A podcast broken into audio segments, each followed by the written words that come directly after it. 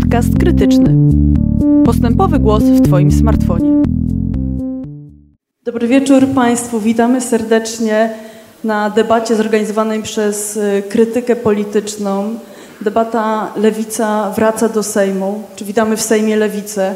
Czy wszystkie inne tytuły, które w zaproszeniu żeśmy wypisywali, nawet nie sądziłam, że tak wielu z Państwa te te tytuły i ci goście przyciągną, a z drugiej strony czemu nie mieliby przyciągnąć? Przecież e, po, lat, po kadencji przerwy Lewica jest e, znowu w Sejmie. Lewica, która szła... Może Lewica, która szła do wyborów pod hasłem połączenia, pod hasłem przyszłości i oto przed nami, proszę Państwa, nowo wybrani posłanki, posłowie elekci lewicy. Powitajmy ich brawami.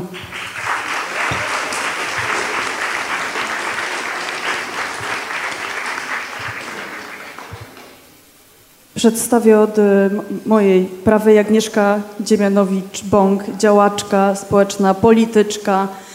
Y, pamiętamy ją jako jedną z twarzy czarnego protestu. Pamiętamy, jak stała pod Sejmem y, i dość dosadnie w naszym imieniu zabierała głos w imieniu setek tysięcy dziewczyn, które tam wtedy stały.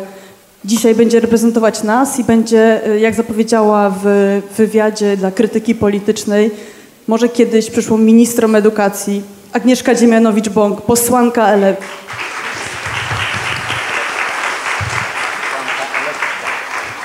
Anna Maria Żukowska, SLD, rzeczniczka SLD, Anna Maria Żukowska to jest jedna z tych osób, przez które bardzo trudno było zawsze mówić, no, no w tym SLD to po prostu wszyscy są tacy straszni, bo zawsze ktoś przychodzi i mówi, a nieprawda, bo Anna Maria Żukowska na przykład. I e, bardzo się cieszymy, że jesteś dzisiaj z nami. Witamy serdecznie. Anna Maria Żukowska, posłanka LET.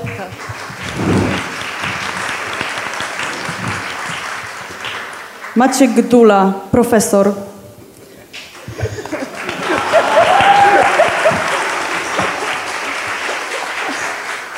Nie no, żartuję. Maciek Dula, nasz przyjaciel z krytyki politycznej.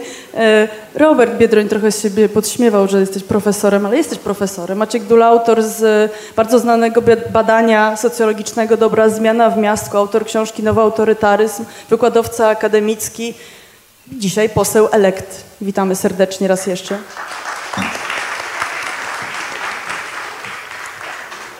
Maciek Konieczny, Maciek, pamiętam jak my się zobaczyli, z przypadkiem spotkaliśmy jakiś miesiąc przed wyborami tutaj w Pałacu Kultury, ty żeś wracał z jakiegoś nagrania w telewizji, tak jeżdżąc non-stop pomiędzy domem, Warszawą, domem, Warszawą, mówiłeś, jeszcze ta kampania, opowiadałeś o tym jakoś tak niesamowicie przejęty. I przyszli moi znajomi yy, z różnych organizacji społecznych, to było takie międzynarodowe spotkanie europejskie, ja się wszystkim chwaliłam, to jest Maciek, on będzie posłem. I mówili, wow, Maciej Konieczny, poseł Elek.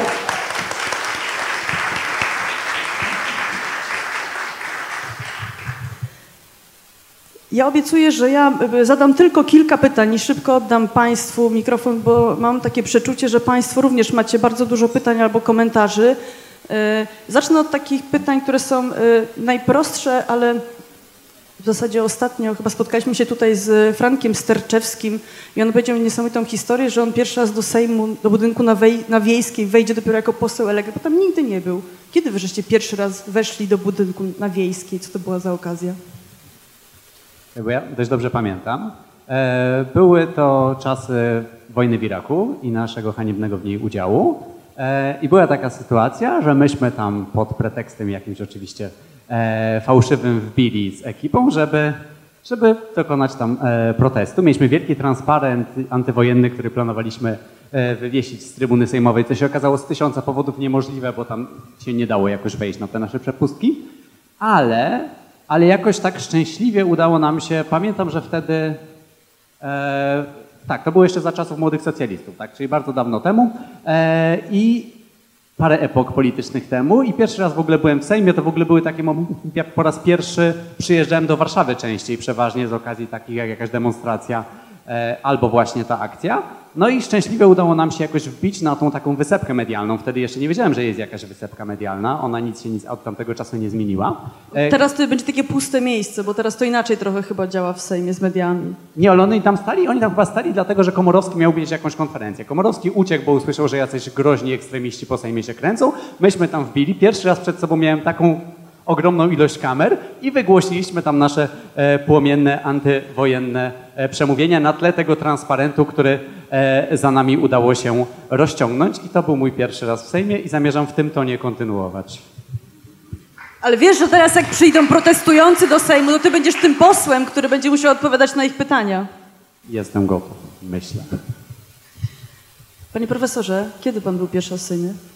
Właśnie się zastanawiałem bardzo mocno i chyba też byłem w takiej sytuacji, tylko było mniej kamer, że e, z krytyki politycznej z, e, zaprosili mnie dziennikarze z ramienia krytyki politycznej, żebym coś powiedział. Bardzo długo z, e, zajęło mi wyrobienie sobie legitymacji. Chyba z godzinę krążyłem między głównym wejściem a tą taką portiernią.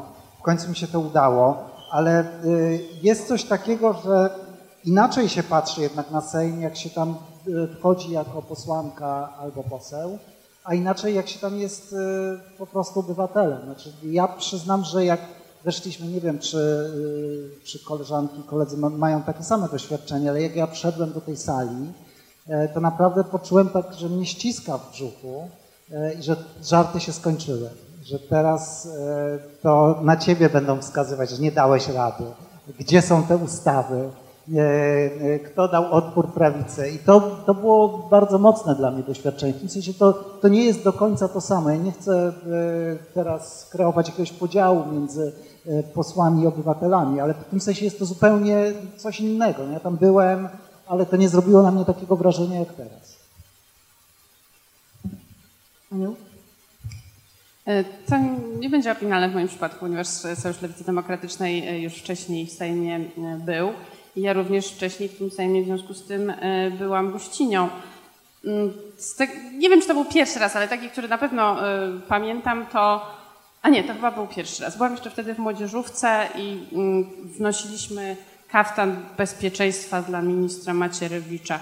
Mój kolega wtedy dostał potem czteroletni zakaz wstępu do Sejmu. Był to mąż e, Pauliny Piechny-Więckiewicz, Michał Więckiewicz. To był mój pierwszy raz, kiedy z akcją młodzieżówkową e, pojawiłam się w Sejmie, a taki bardziej poważny to pamiętam na, e, było takie posiedzenie klubu Sojuszu Lewicy Demokratycznej, jakieś uroczyste, powiązane z czymś w sali kolumnowej i przedstawiałam koncepcję zrównania emerytur e, kobiet i mężczyzn. Ale tak jak mówił Maciek Dula, to jest zupełnie co innego, jak się wchodzi z zewnątrz, co innego, jak się jest posłanką i posłem. To jest inne uczucie, inne poczucie odpowiedzialności też. Ja po raz pierwszy byłam w Sejmie na zaproszenie, na takim, spotkaniu, na zaproszenie Michała Stówki i Ośrodka Myśli Społecznej Ferdynanda Lasala, który wspólnie z Związkiem Nauczycielstwa Polskiego organizował bodajże w 2010 albo 2011 roku konferencję, takie, takie spotkanie, na które oczywiście byli zaproszeni posłowie e, i posłanki o zagrożeniach wynikających z komercjalizacji, postępującej komercjalizacji systemu oświaty.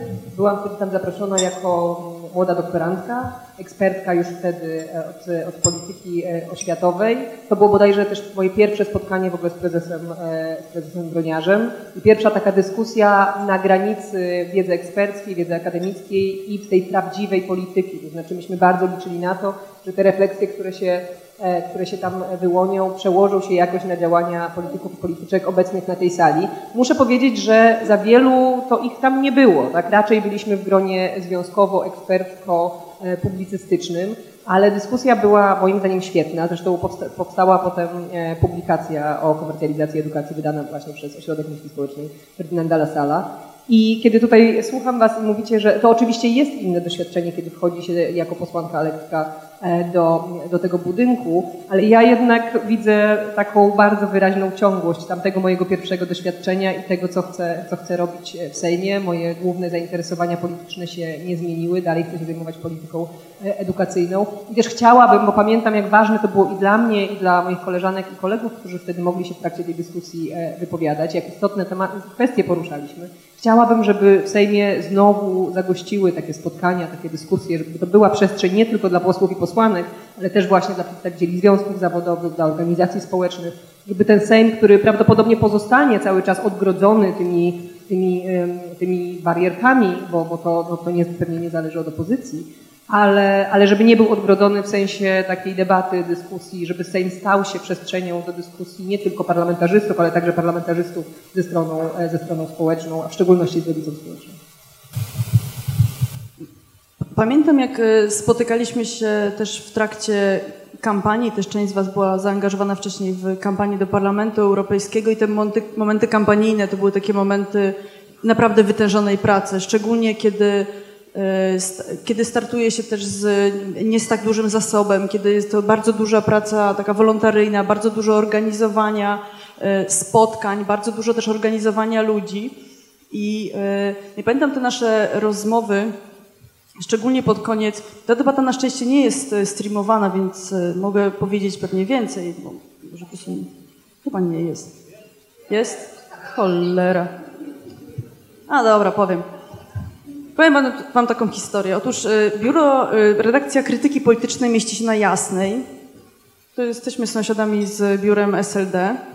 Y, I pod koniec kampanii bardzo często żeśmy się mijali gdzieś na ulicach, bo w mieście spotkania też takim headquarter cały, całym kampanijnym. I pamiętam te, te, te rozmowy, się, znaczy, pozwalam sobie mówić na ty, my się niestety jakoś specjalnie tutaj nie przyjaźnimy, ale znamy się na tyle, żeby zawsze sobie e, chwilę porozmawiać, bo nas to interesuje też, co, co wzajemnie robimy. Wspominam o tym, bo miałam wrażenie, że to jest trochę taki zegar ustawiony do momentu wyborów. Znaczy, że i na tej ostatniej prostej po prostu daje się z siebie 700%, e, i myślę sobie, okej, okay, no to potem już jest tylko ten moment ciszy wyborczej, ogłoszenie wyników, i potem będzie ten moment, ta chwila na urlop. No i oczywiście domyślam się, że nic takiego się nie wydarzyło, e, bo próbowałam później się, próbujemy się z wami skontaktować i próbujemy was łapać później, no to po prostu jest to niemożliwością, e, bo wy natychmiast wskoczyliście w, w taką robotę, codzienną robotę.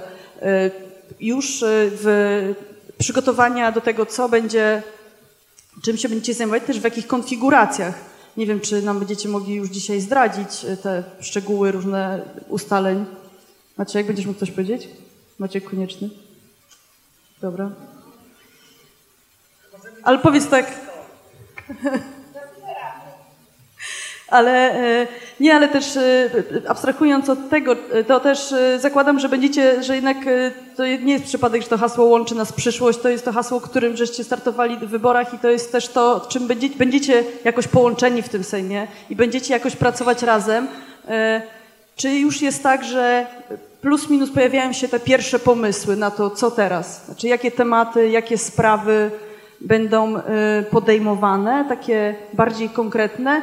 I czy jest tak już teraz, czy macie takie wrażenie, ja to też widzę, jak rozmawiam na przykład z dziennikarzami i pojawiam, spotykam się na takich debatach już powyborczych.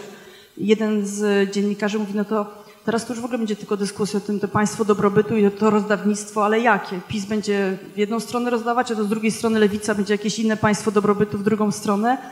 No po prostu załamany był ten człowiek. No jak to zrobić, panie, jak to zrobić? Ja zasugerowałam, że trzeba bogatych opodatkować, ale tam prawie mnie wynieśli z tej sali. Ale zakładam, że jakieś już pomysły, jakieś plany są. Co będziecie teraz robić? Jak wygląda ten plan na pierwsze, pierwsze 100 dni? To teraz z drugiej strony.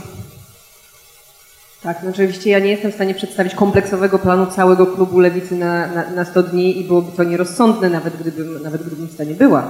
No, chyba takimi tego, kujonami to tego, nie jesteście. E, Trochę jest spontaniczności. Ale, e, ale, myślę sobie, że w kontekście tego, e, w kontekście tego co, co powiedziałaś, takich obaw, co teraz w tym układzie całej sceny politycznej, to znaczy tego, że wybory parlamentarne wygrało Prawo i Sprawiedliwość, Lewica jest jednak w opozycji, no ale z całą pewnością nie jest to taka opozycja, z jaką mieliśmy do czynienia przez ostatnich E, przez ostatnie 4 lata, e, to, to można podzielić te, te, te, rozmaite plany na kilka takich kategorii. Tak? Znaczy jedna kategoria i oni może za chwilę, to jest to, co będzie się działo dalej z lewicą, to znaczy co zrobi z tym kredytem zaufania, który jako środowisko, jako formacja otrzymała od wyborczyń e, i wyborców, jak będzie próbowała, jeśli będzie próbowała poszerzyć te 12% o więcej, tak żeby zawalczyć czy to w najbliższych wyborach prezydenckich, czy w kolejnych wyborach samorządowych i parlamentarnych o po prostu realną władzę i, i sprawstwo. To jest jakby jedna, jedna kategoria planów i tutaj myślę, że moglibyśmy podyskutować o tym, co jest najbardziej optymalnym, optymalnym rozwiązaniem.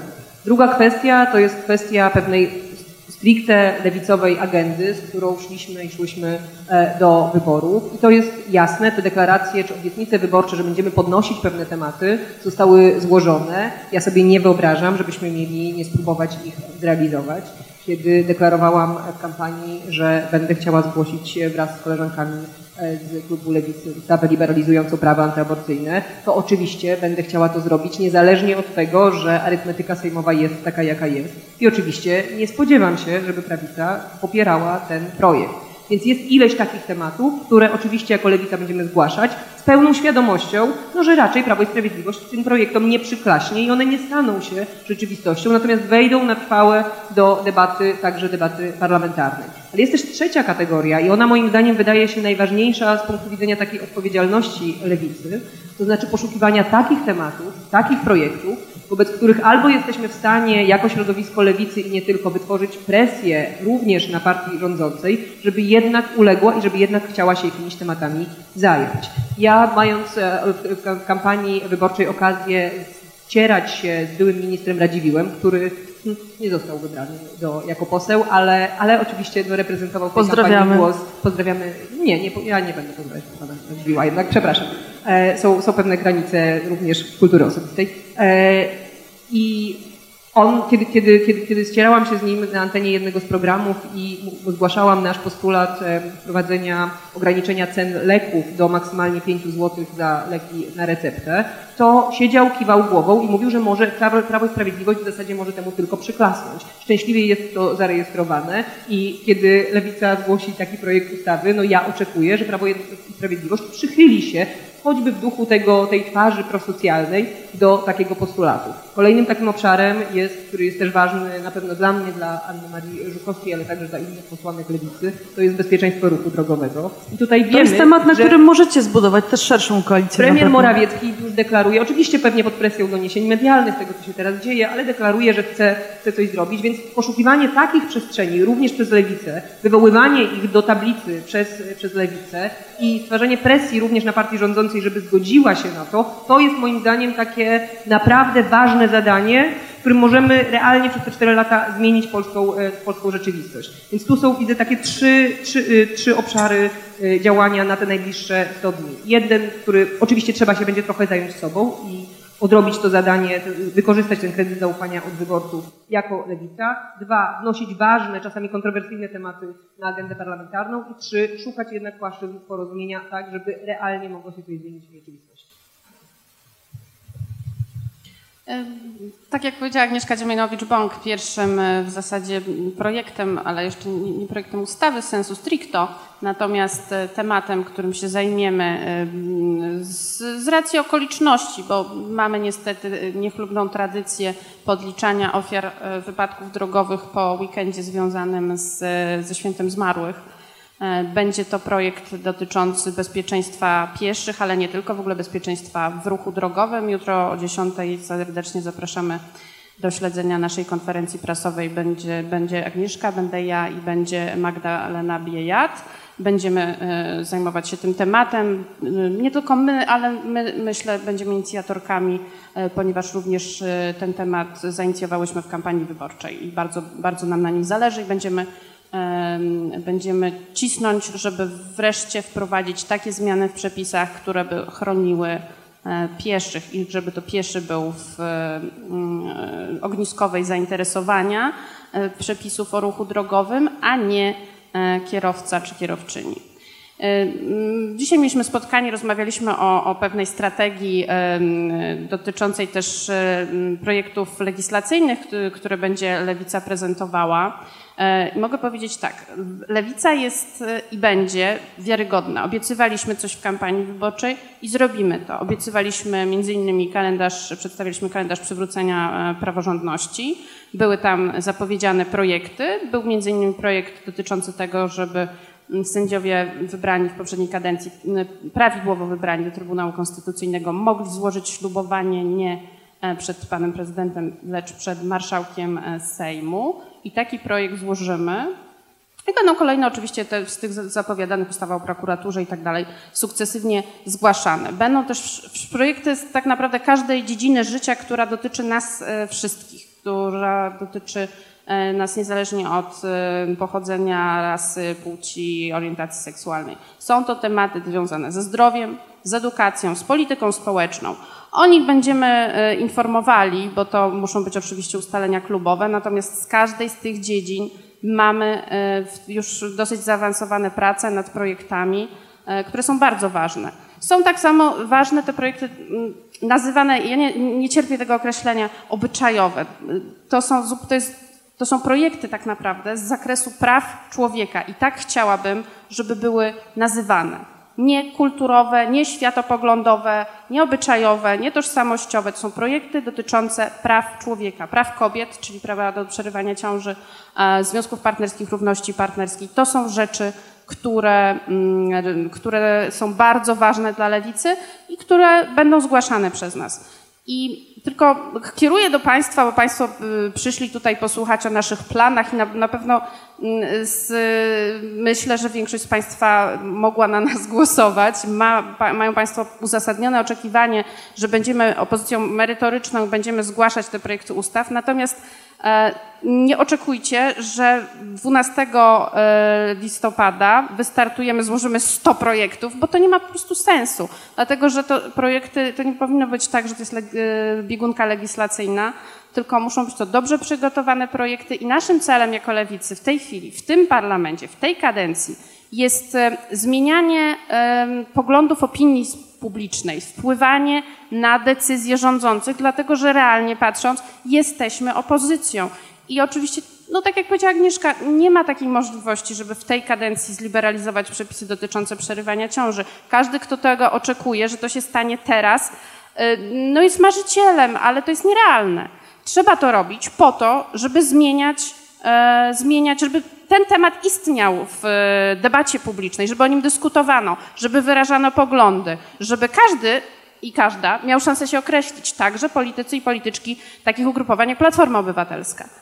E, I po to będziemy to robili. Natomiast są nikłe szanse, że przy takich tematach, jak na przykład bezpieczeństwo e, pieszych, uda się zbudować parlamentarną większość. Natomiast będzie to mniejszość tych tematów, bo nie rządzi lewica. Jak lewica będzie rządzić, to wtedy te projekty będą uchwalane. Dziękuję.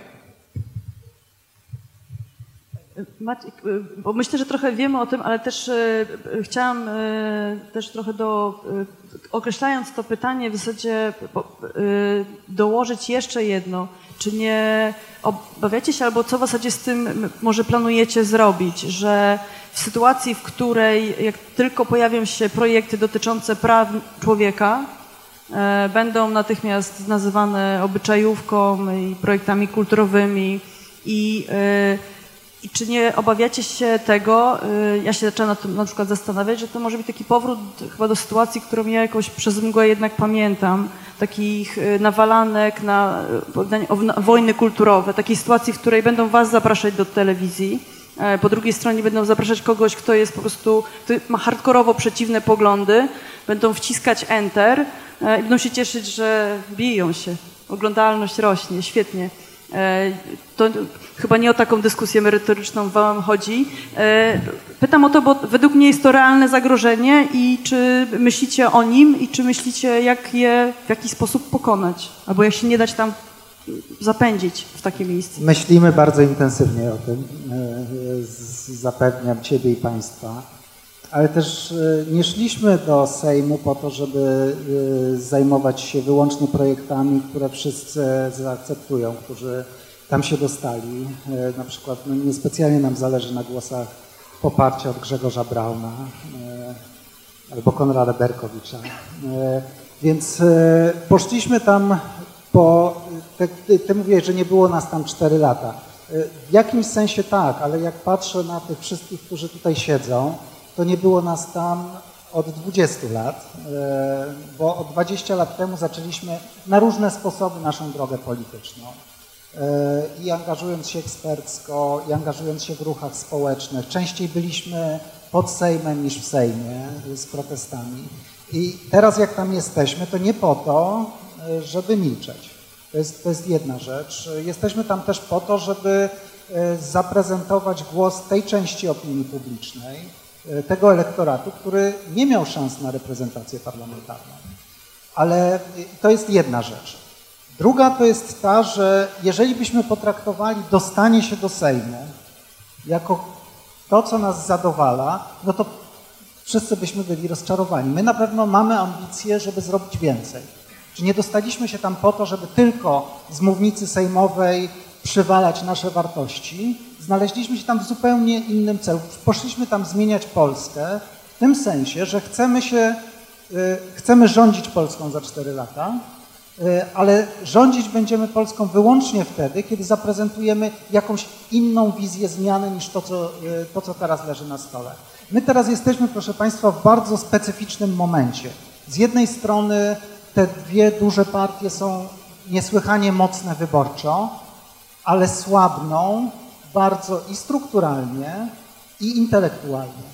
Tak naprawdę zobaczcie Państwo, PiS, który wygrywał wybory 4 lata temu, to była partia prowadzona przez Kaczyńskiego. Czym dzisiaj się zajmuje Kaczyński? Mediacją pomiędzy różnymi frakcjami Zjednoczonej Prawicy. On nie jest już liderem, on jest pośrednikiem, on musi być kimś, kto zrównoważy.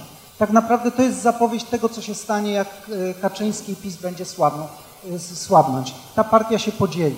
Podzieli się na radykałów w stylu Patryka Jakiego i na umiarkowanych w stylu Jarosława Gowina. Tak, to jest rzeczywistość, którą prawdopodobnie, wiem, że to brzmi śmiesznie dla nas, ale tak Jarosław Gowin postrzegamy. I na tle Patryka Jakiego ma, są ku temu przesłanki nawet.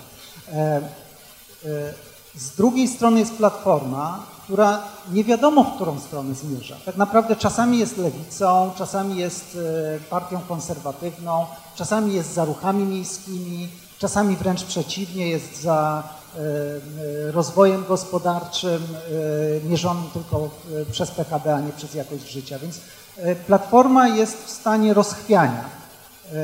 Za niedługo zdecyduje się, w którą stronę ta partia pójdzie. I od lewicy i od jej sprawności w określaniu kierunku, w którym mamy zmierzać, zależy w jakiej Polsce będziemy żyć i jak będzie wyglądać pole polityczne. Jak Państwo, ktoś się pyta, czy my jesteśmy zadowoleni z tych 12%, nie, nie jesteśmy zadowoleni, bo to nam nie pozwoli zrealizować wizji Polski, na której nam zależy. I te cztery lata to są cztery lata, kiedy my tę wizję będziemy tworzyć. I kolejne ustawy będą też temu służyć, ale temu służyć też będą wybory prezydenckie. To jest kampania, w którą już w zasadzie wchodzimy. Niektórzy, niektóre partie, nie, mam nadzieję, że nie rujnuje Ci planu e, pytań, e, ale e, to jest Ja kampania... tutaj mam tylko XXX, ja nigdy nie piszę pytań. E, To jest kampania, która już się zaczyna e, i my w niej musimy zacząć prezentować tę wizję nowej Polski, tę wizję zmiany, której nie da nam ani Platforma, ani Prawo i Sprawiedliwość, bo oni są już kompletnie wyjałowieni. Także mają, mają wewnętrzne problemy, podziały. E, O tym, nie wiem, ja bym chętnie pogadał o tej wizji, e, ale już czuję, że wyczerpałem swój limit i oddaję Maćkowi. Dzięki.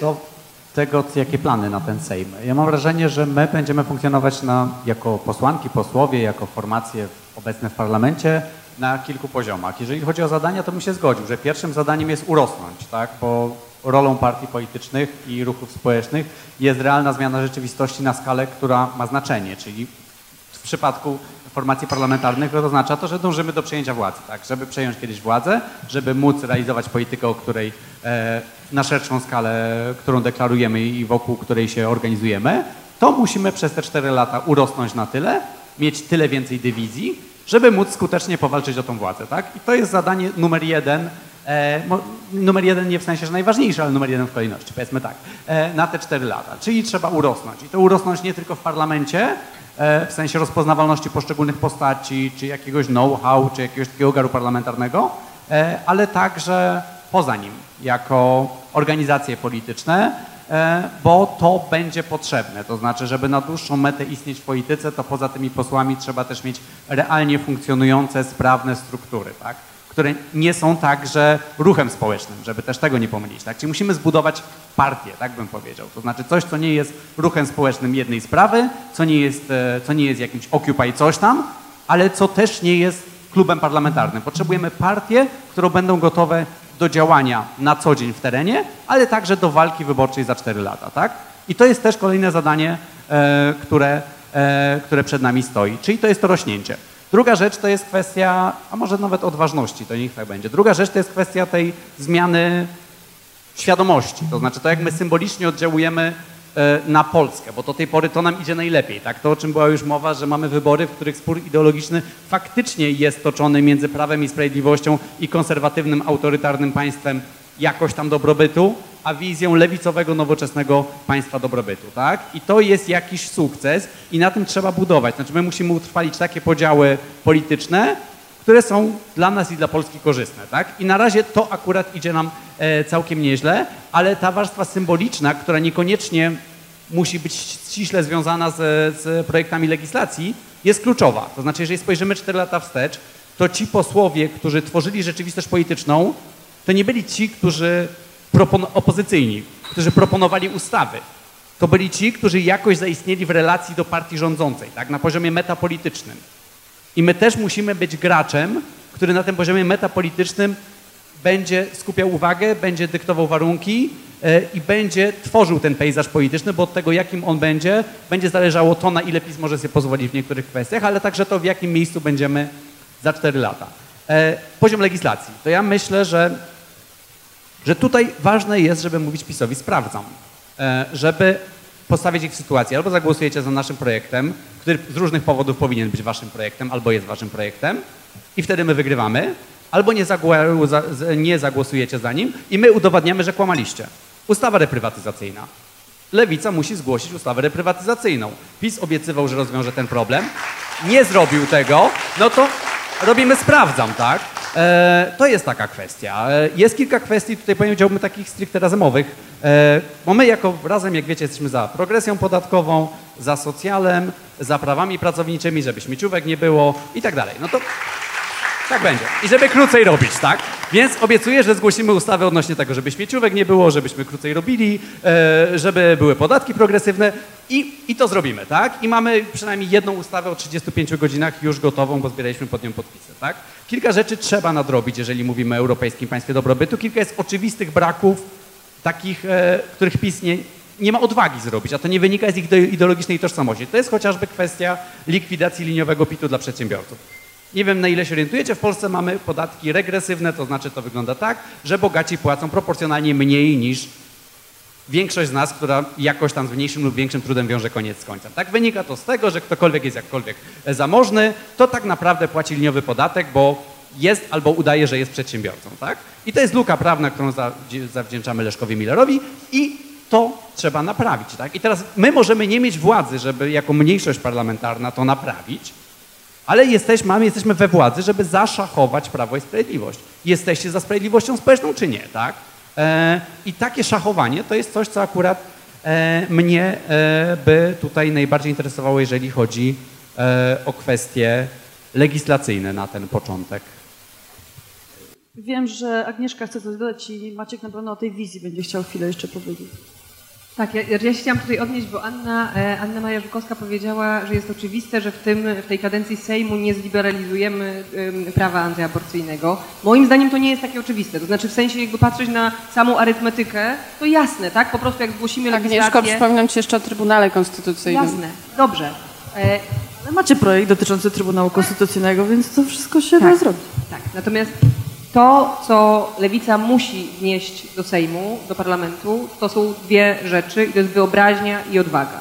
Po pierwsze, musimy sobie wyobrazić i my musimy sobie skutecznie wyobrazić po to, żeby e, wyborczynie i wyborcy sobie byli w stanie skutecznie wyobrazić, że jest sobie taka Polska, w której Polki mają wszelkie prawa reprodukcyjne i nie tylko, w której są tanie mieszkania, w której są godne zarobki itd., tak itd. Tak I teraz e, to nie jest tak, że jesteśmy w tym same. To nie jest tak, że wchodząc, przekraczając te drzwi, e, te drzwi e, Sejmu, te setki tysięcy kobiet, o których wspominałaś na początku, my zostawiamy, zatrzaskujemy te drzwi i teraz będziemy sobie tam ciuchać w projekcie ustawy, który zgłosimy i on trafi, trafi do niszczarki.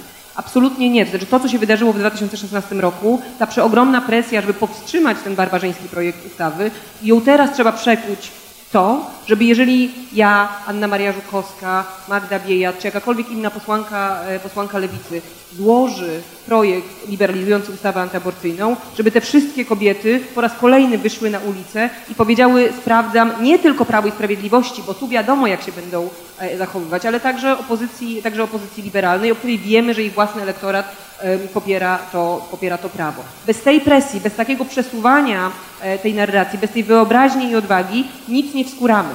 Nie wskuramy też nic, jeżeli nie sięgniemy po kroki po drodze.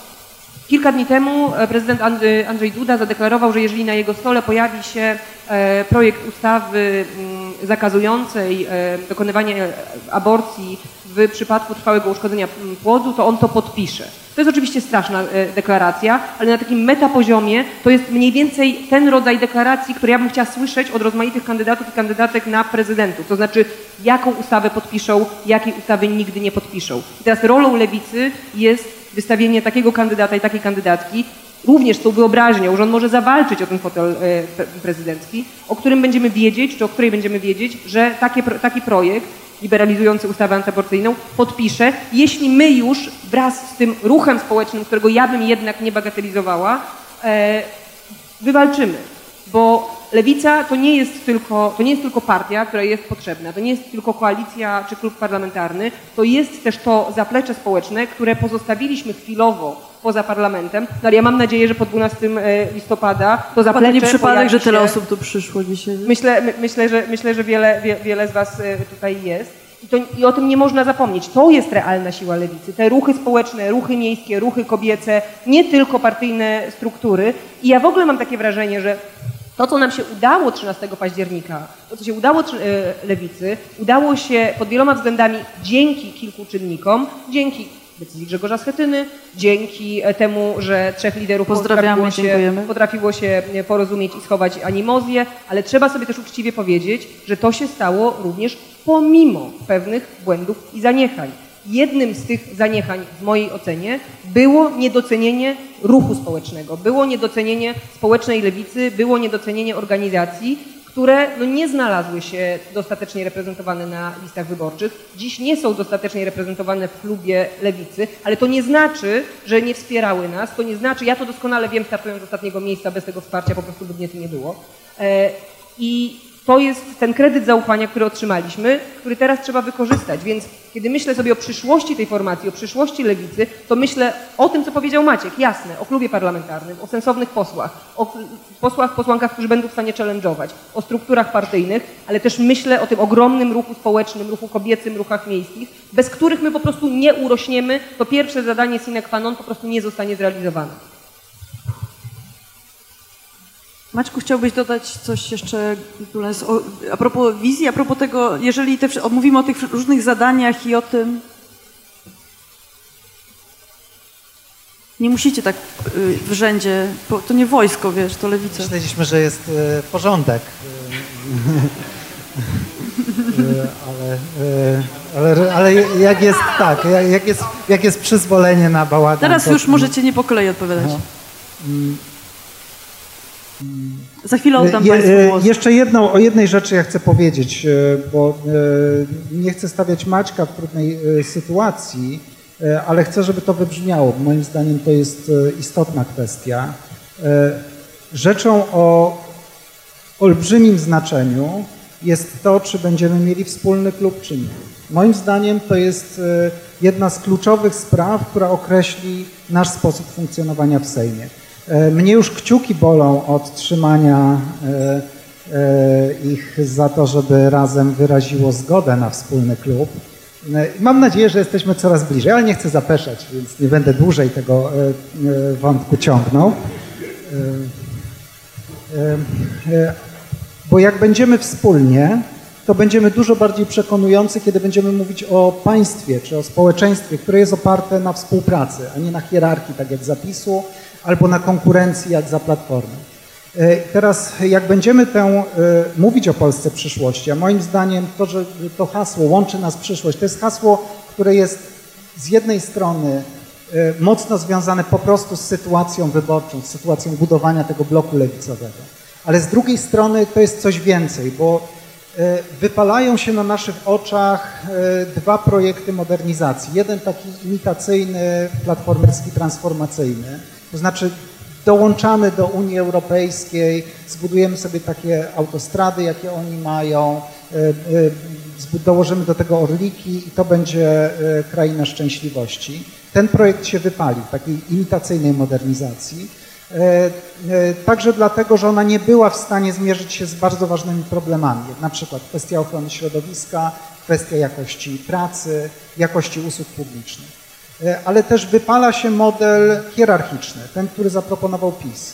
E, to jest model oparty na wszechwładzy jednej osoby i na jego decyzjach dotyczących alokacji e, środków publicznych. Ta alokacja jest obliczona przede wszystkim na efekt wyborczy. To jest ta polityka konkretu, którą część, moim zdaniem, część, część lewicy się też niesłusznie zachłysnęła to jest ta polityka 500, plus, 13 emerytury, y, dokładania coraz więcej pieniędzy do bezpośrednich transferów. To się dzieje pewnym kosztem.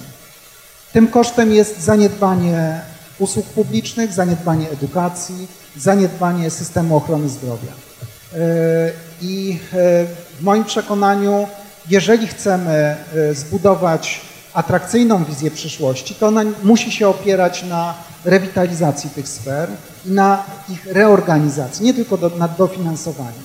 E, od usług publicznych tak naprawdę wychodzimy do problemu relacji między wolnością i równością. W moim przekonaniu e, przede wszystkim powinniśmy stawiać na równość przez usługi publiczne, to znaczy przez e, równy dostęp do dobrej jakości edukacji, do dobrej jakości systemu ochrony zdrowia. E, to jest coś, co jest e, moim zdaniem wielkim projektem, czymś, co może naprawdę odmienić e, sposób życia w Polsce.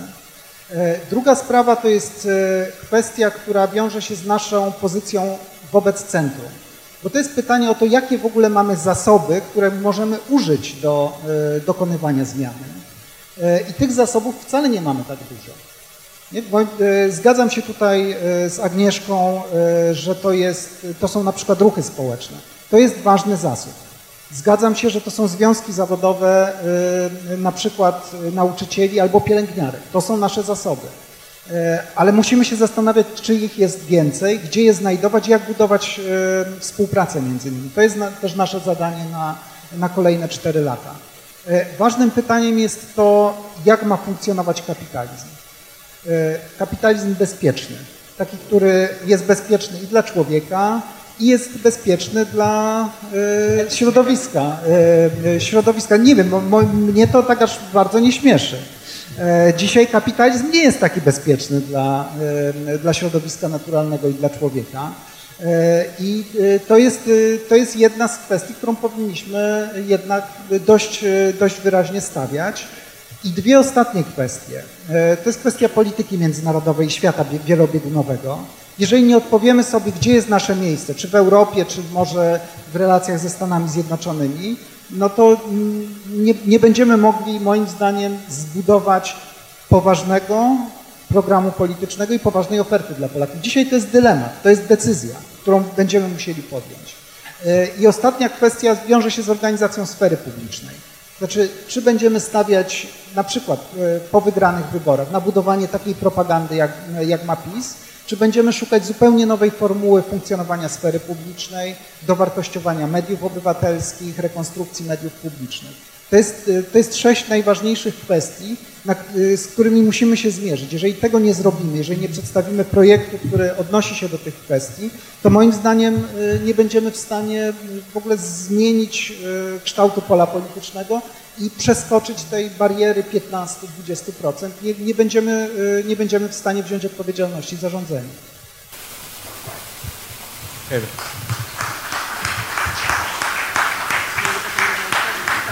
Bo ja mam silną potrzebę się zgadzać, nie zgadzać i zaraz, zaraz oddam. Zgadzam się co do tej geopolityki, to znaczy to jest taki rzadki moment, w którym mam to szczęście, że w pełni zgadzam się z ogromną większością Polaków, to jest bardzo wygodne, to znaczy nasze miejsce jest w Europie, tak?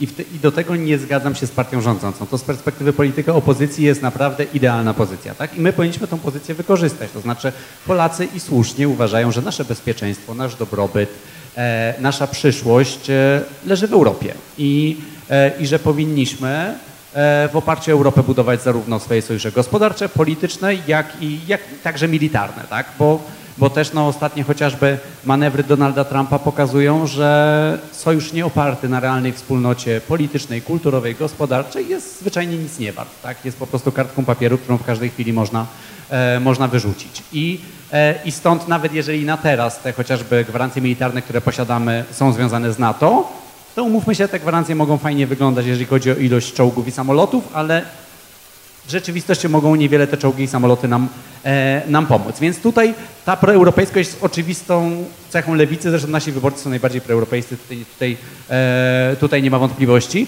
Oczywiście opowiadając Europę musimy wybierać rzeczy, na których nam zależy. Czasami możemy opowiadać Europę lepszą niż ona jest, co zresztą jako razem regularnie robimy, tak? To znaczy opowiadać europejskie, nowoczesne państwo dobrobytu, a niekoniecznie co można by równie dobrze z perspektywy lewicowej zrobić, do, krytykować Unię Europejską jako neoliberalny projekt, tak? Bo my jednocześnie musimy sprzedawać tę Europę jako taką aspirację, jako pomysł tego, jakim byś, jaką byśmy chcieli, żeby nasza, e, nasz, nasze społeczeństwo, nasze państwo, jakbyśmy chcieli, żeby wyglądało. Więc Europa tak.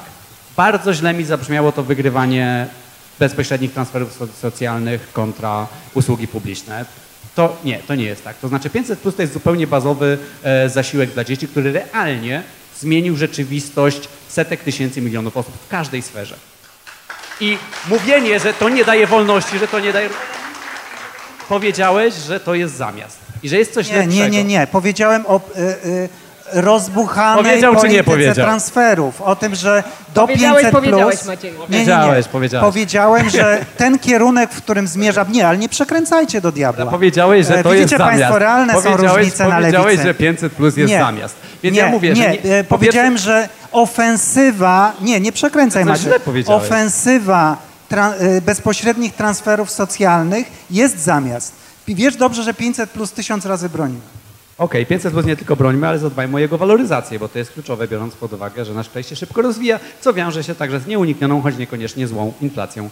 E, więc waloryzacja 500 plus będzie, e, będzie jak najbardziej na miejscu. Więc tak, jeżeli chodzi, i teraz żebyśmy też docenili to, tak, to naj- najpierw będę doceniał, ja bardzo dużo doceniam e, tych transferów socjalnych, ja jestem tą lewicą, która się zachłysnęła, więc teraz będę się zachłystywał, tak.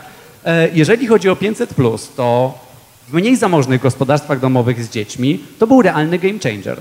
To jest nie tylko, że pierwszy raz dzieciaki jadą na wakacje, to jest także to, że na przykład kobiety, które mają trudną sytuację, na przykład są w przemocowym związku, zyskają nagle możliwość, e, możliwość e, odejścia od partnera, tak? Zyskują jakąś wolność. Ludzie po prostu zyskują wolność wyboru i większą możliwość decydowania o swoim życiu, tak? Tak wygląda realna wolność, tak wygląda realna równość także, bo mają równość do dostępu do rzeczy, które dotychczas były zarezerwowane e, dla jakiejś wąskiej grupy, czy, czy bogatszej mniejszości. Stąd ta awantura o stranie na wydmach, tak? Bo to jest awantura o dostęp do zasobów, które do tej pory były zarezerwowane dla tej mniejszości, tak?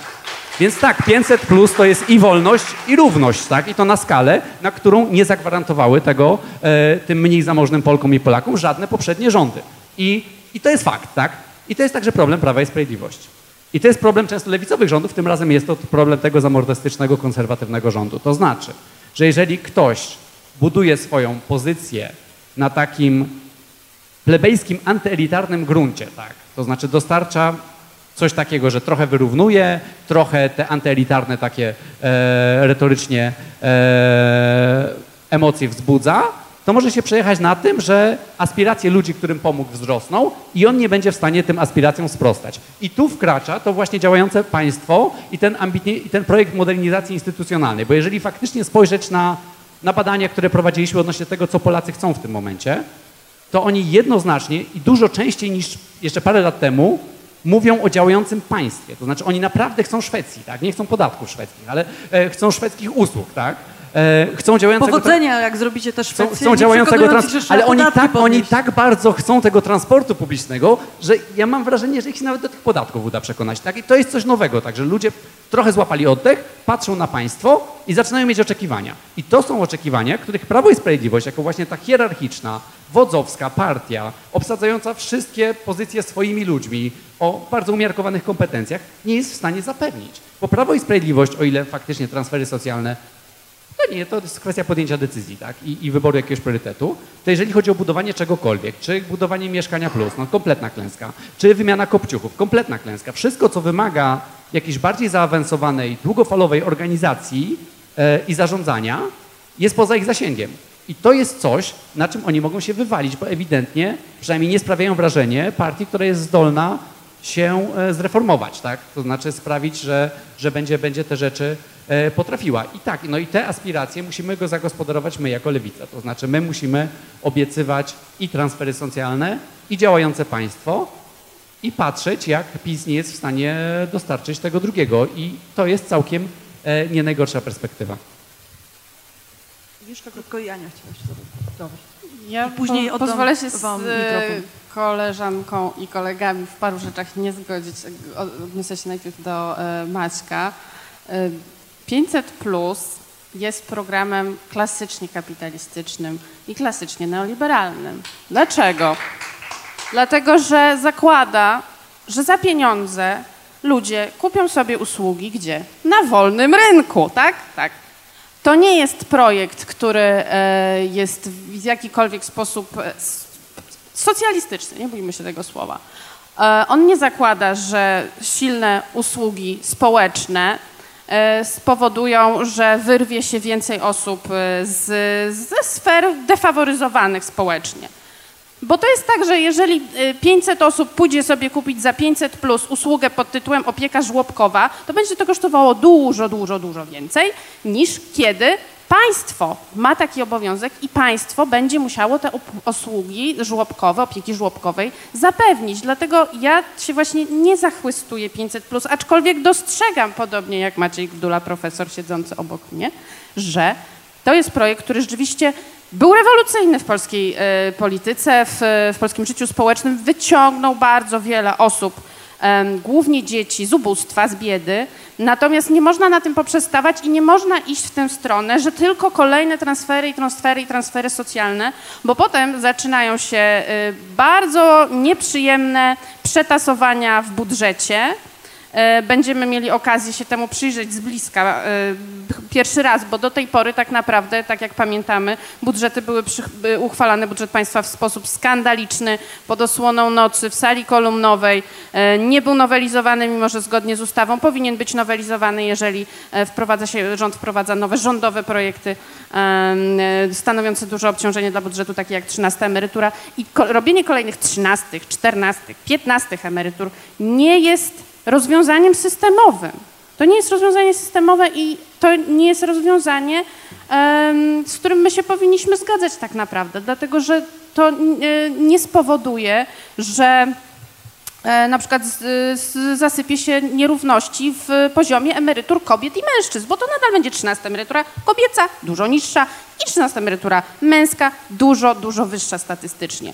I nadal zostaniemy z tym problemem nierówności, a w tej sferze społecznej, wśród seniorów, te nierówności są największe. Nie wiem, czy sobie Państwo zdają z tego sprawę.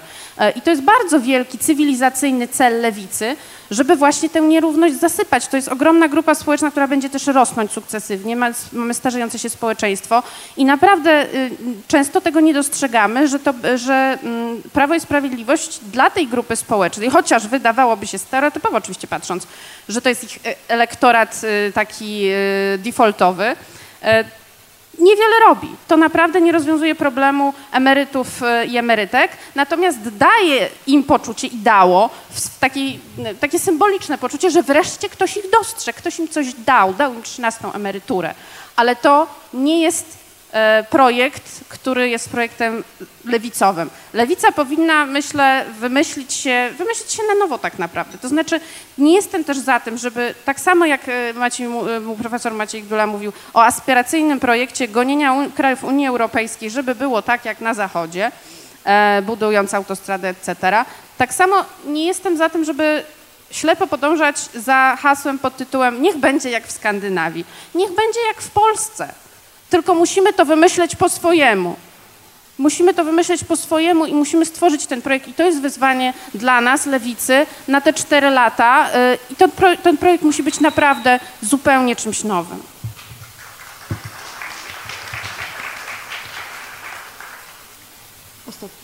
Dobrze, już ostatnie, o, ostatnie, ostatnia wypowiedź moja przed, e, przed dyskusją. Znaczy, ja sobie tak słucham tego i myślę, że to, że Lewica wróciła do Sejmu i jednocześnie jest w opozycji, to jest błogosławieństwo. Znaczy, to jest znakomity moment, żebyśmy sobie wszyscy uświadomili, że to nie jest albo, albo. To znaczy, nie jest tak, że albo mamy 500 plus, albo mamy sprawną ochronę zdrowia. A przynajmniej być tak nie musi. Być może teraz tak jest, że to jest ten, to jest ten wybór, ale to jest właśnie zadanie lewicy, żeby najpierw pomyśleć, a potem zrobić tak, żeby tak być nie musiało. I ja nie wiem, czy 500 plus jest programem lewicowym, czy jest nielewicowym. To, co wiem, to to, że jest to program emancypacyjny. Że on realnie pomógł ludziom.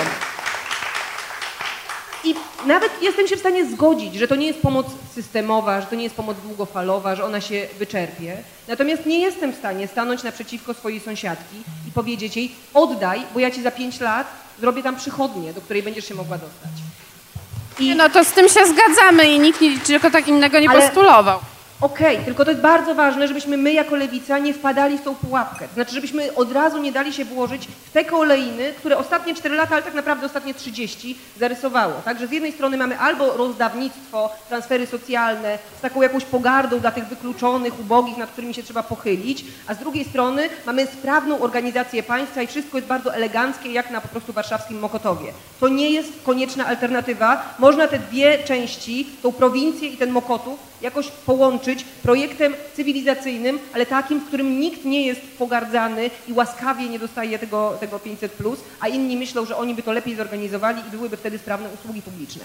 Jeżeli chcemy już bardzo szukać, i moim zdaniem musimy jako lewica, też jako opozycja, znaleźć swoją narrację, swoją opowieść opozycyjną w kontrze do Prawa i Sprawiedliwości, to ja z uporem maniaka powtarzam, że tą pozycją jest nazywanie Prawa i Sprawiedliwości partii skrajnie antypracowniczą bo jest to partia skrajnie antypracownicza. Najlepszym tego przykładem jest strajk nauczycieli i to, w jaki sposób zostali potraktowani nauczyciele kilka miesięcy temu.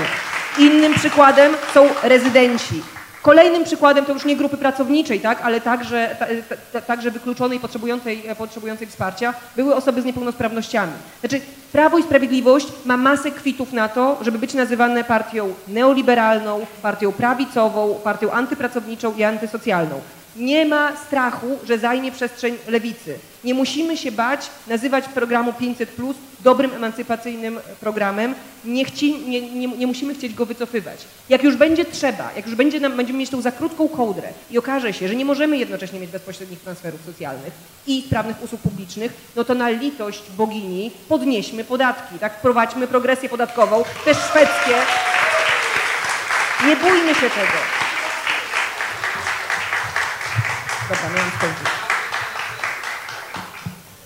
Widzę, że już to jest masa, masa pytań. E, ja tylko nawiązując... Ja wiem już, ty wychodzisz. Ty będziesz pierwsza, nie muszę.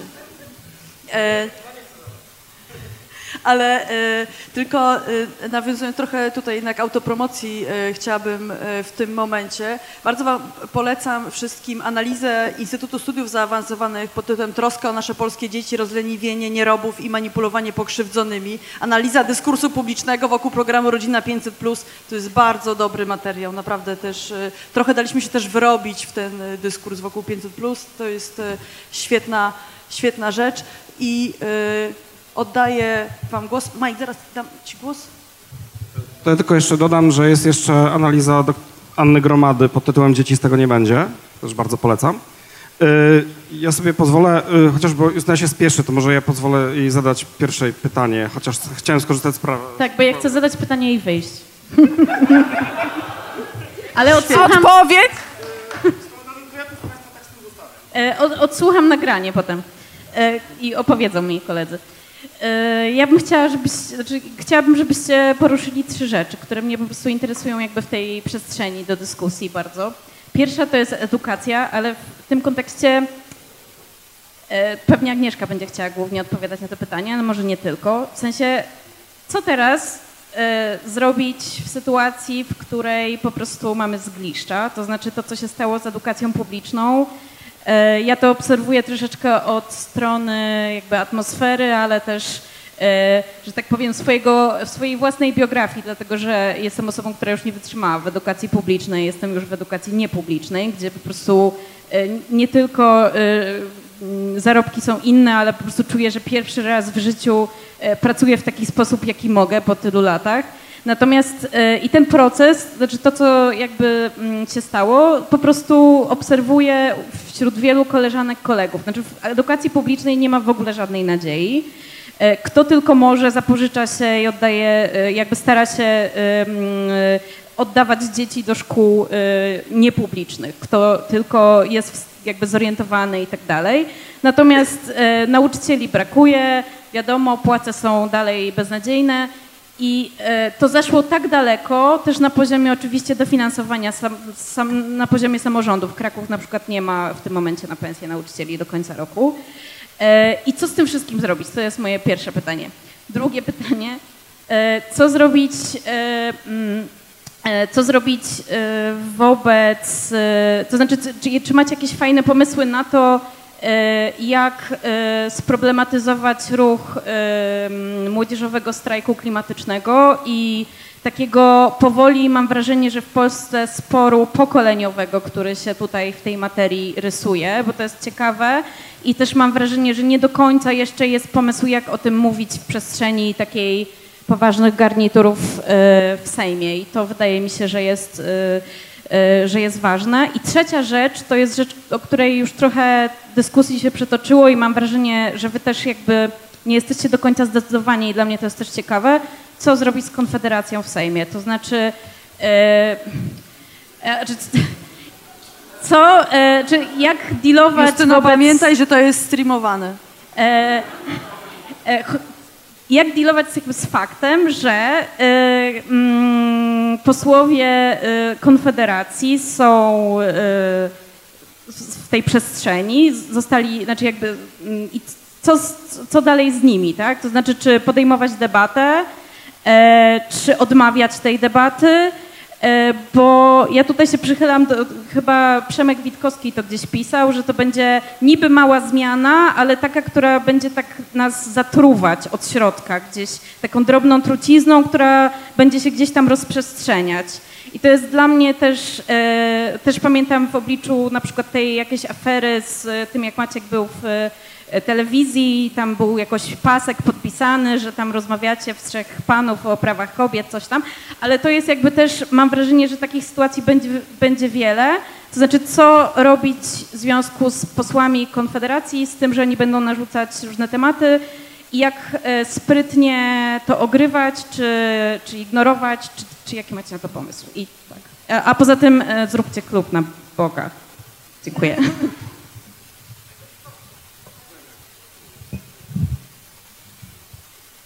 Może, nie, możecie, możecie sobie wybrać pytanie, na które chcecie odpowiedzieć. Ja tylko chciałbym was uspokoić, że nie poszedłem z Dobromirem Sośnierzem dyskutować o kobietach do TVN-u. Niestety na pasek pod spodem nie, nie mam wpływu, dyskusja miała być ogólna. E, po prostu miałem, to był efekt tego problemu, o którym mówiła Justyna. Ja nie dam dobrej odpowiedzi, bo ja nie wiem, czy ja dobrze zrobiłem. Ja poszedłem z Dobromirem do tej telewizji, bo stwierdziłem, że ani on jest jakimś, jakimś totalnym naziolem. E, debatowałem z nim przed, e, przed ale jest, jest totalnym oszołomem i jest na przykład mizoginem hardkorowym totalnie. E, Debatowałem z nim jakoś przed wyborami, więc to też osłabiło moją czujność, bo jest, jest z okręgu mojego wyborczego. E, I poszedłem, tak? Ale jak już tam poszedłem, to miałem taką potrzebę, że ja muszę zaznaczyć na starcie, że to nie jest normalna rozmowa. Że nie godzę się na to, żebyśmy od dzisiaj dnia traktowali Konfederację jak normalnego, równoprawnego uczestnika debaty. Stąd wyszedłem z tą kwestią, którą tego samego dnia jeszcze powtórzył Korwin e, Mikke właściwie parafrazując swoje zdanie, że zawsze się trochę gwałci. Tak? Ja powiedziałem, że nie ma zgody na normalną rozmowę z osobami, które stosują taką retorykę. Tak? E, stąd zresztą ten pasek. Ale to moje szamotanie też wynika z tego, że ja po prostu nie wiem, bo tu nie ma dobrej odpowiedzi. Odmawianie, konsekwentne no platform w sytuacji, w której e, Konfederacja jest w Sejmie, będzie bardzo trudne. I będzie także niezrozumiałe, będzie odbierane jako odmowa debaty z naszej strony. Tak? Z drugiej strony ryzyko tego, że wszyscy dziennikarze nagle wpadną na genialny pomysł, żeby dwa, dwie skrajności e, są, że, bo to taki był pomysł Morozowskiego na ten program, że z jednej strony oni chcą tutaj, e, żeby, żeby ludzie pobierający zasiłki nie mieli, e, nie mieli prawa głosu i kobiety, a kolega jest za podatkiem progresywnym. Mamy dwie skrajności, walczcie, tak? Dokładnie to był ten pomysł, tak? I to jest ogromne ryzyko. Nie mam pomysłu, co z tym zrobić. W sensie wydaje mi się, że musimy lawirować, tak? To znaczy musimy za każdym razem rozmawiając podkreślać, czym jest Konfederacja. Musimy regularnie ujawniać, czym jest Konfederacja na każdym poziomie. Powiązań jakichś e, chociażby e, międzynarodowych, e, sprawiać, żeby wybrzmiały te najbardziej hardkorowe kwestie, które oni rzucają, e, bo, bo inaczej to, jest niebe- to się zrobi, faktycznie ja się zgadzam z Justyną, że to może być bardzo, bardzo zatruwające życie. Jeszcze tylko szybciutko, bo były dwa pytania, że naprawdę bardzo szybko, no wydaje mi się, że na poziomie edukacji to trochę jest zarządzanie kryzysem w tym momencie, to znaczy tam, gdzie jest największy hardcore, tam musimy jak się da wesprzeć. To znaczy, jeżeli jest taka sytuacja, że w Krakowie nie ma e, pieniędzy, to my mamy być tą siłą, która będzie wymuszała na Prawie Sprawiedliwości, żeby przynajmniej ogarnął największe hardkory, bo obawiam się, że, e, że to czeka nas i tak taki, taki czas, tak? To znaczy oczywiście równolegle dobrze byłoby jakiś projekt całościowy reformy edukacji na, za 4 lata mieć, ale obawiam się, że, że tutaj będzie raczej działalność interwencyjna, tak? Przynajmniej ja tak sobie to Na pewno tego wyobrażam. potrzebuje edukacja kolejnej reformy. Nie, nie, chcę mieć projekt, ale To chcę, jeżeli- chcę w tym momencie mówię, że co możemy zrobić, tak? Jeszcze było trzecie pytanie, tylko nie pamiętam. O co?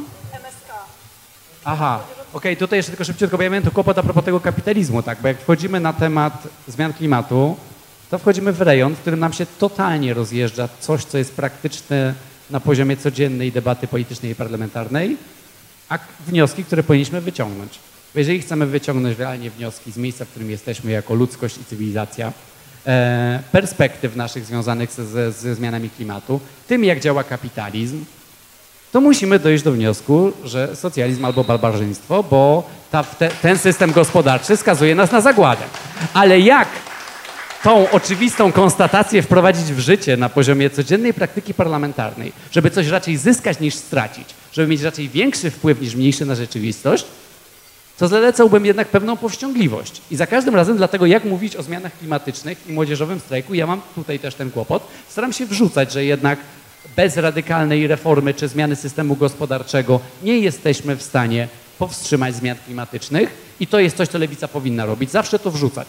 Zawsze wrzucać, że, że, że to nie jest tylko kwestia jakiejś tam e, stricte tej części energetyki i narzucania emisji, to jest tylko kwestia zmiany paradygmatu ekonomicznego, to jest absolutnym i niezbędnym warunkiem przetrwania, tak?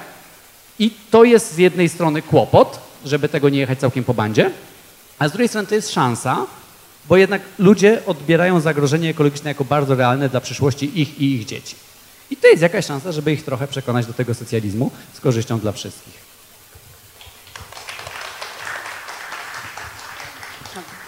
To krótko, krótko, krótko na temat ym, y, Konfederacji.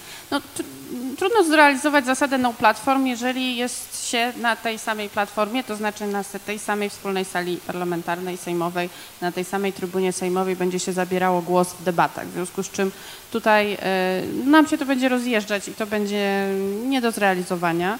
Y, Natomiast y, nie można też po prostu pozwalać Konfederacji na, mm, na odpowiadanie na każde ich nawet najgłupsze pytanie. Ja mam takiego chyba psychofana, nazywa się Dobromir Sośnierz, który jak tylko się pojawiam, pojawiłam w Sejmie, to mnie gania po całym korytarzu, mu coś odpowiedziała, bo on przecież napisał do mnie na Twitterze. Tylko uświadomiłam, że nie mam takiego obowiązku, że jeżeli ktoś do mnie coś pisze na Twitterze, bardzo chcę, żebym mu odpowiedziała, to żebym mu odpowiedziała. W związku z czym nie, nie, oni oczywiście bardzo chętnie będą chcieli wchodzić z nami w zwarcie, kontrując się na, na, w opozycji do lewicy, e, ale to, to nie jest dobra koncepcja, dlatego że to też w opinii publicznej zostanie odebrane jako taki rezerwat świrów, którym właśnie będziemy się ścierać, a głównie będzie fantastycznie pokazywała to stacja TVN. O, tutaj macie dwa, dwa, dwie skrajności, świry się biją, zabawa w kisielu, te sprawy.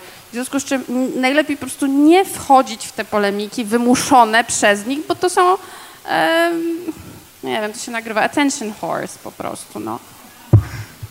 A to tyle w temacie Konfederacji. Natomiast jeżeli chodzi o edukację, ja mam akurat córkę, która jest tym e, rocznikiem, który tak, wie, że już jest tym rocznikiem, straconym rocznikiem, który państwo poświęciło na ołtarzu swojego cudownego projektu reformacyjnego. E, ten rocznik, to jest dobra informacja, będzie już miał prawa wyborcze w następnych wyborach parlamentarnych. E, I to jest kwestia, o której lewica nie powinna zapominać, bo to są już dzieci, młodzież w tym wieku, w którym kształtują się postawy, poglądy polityczne.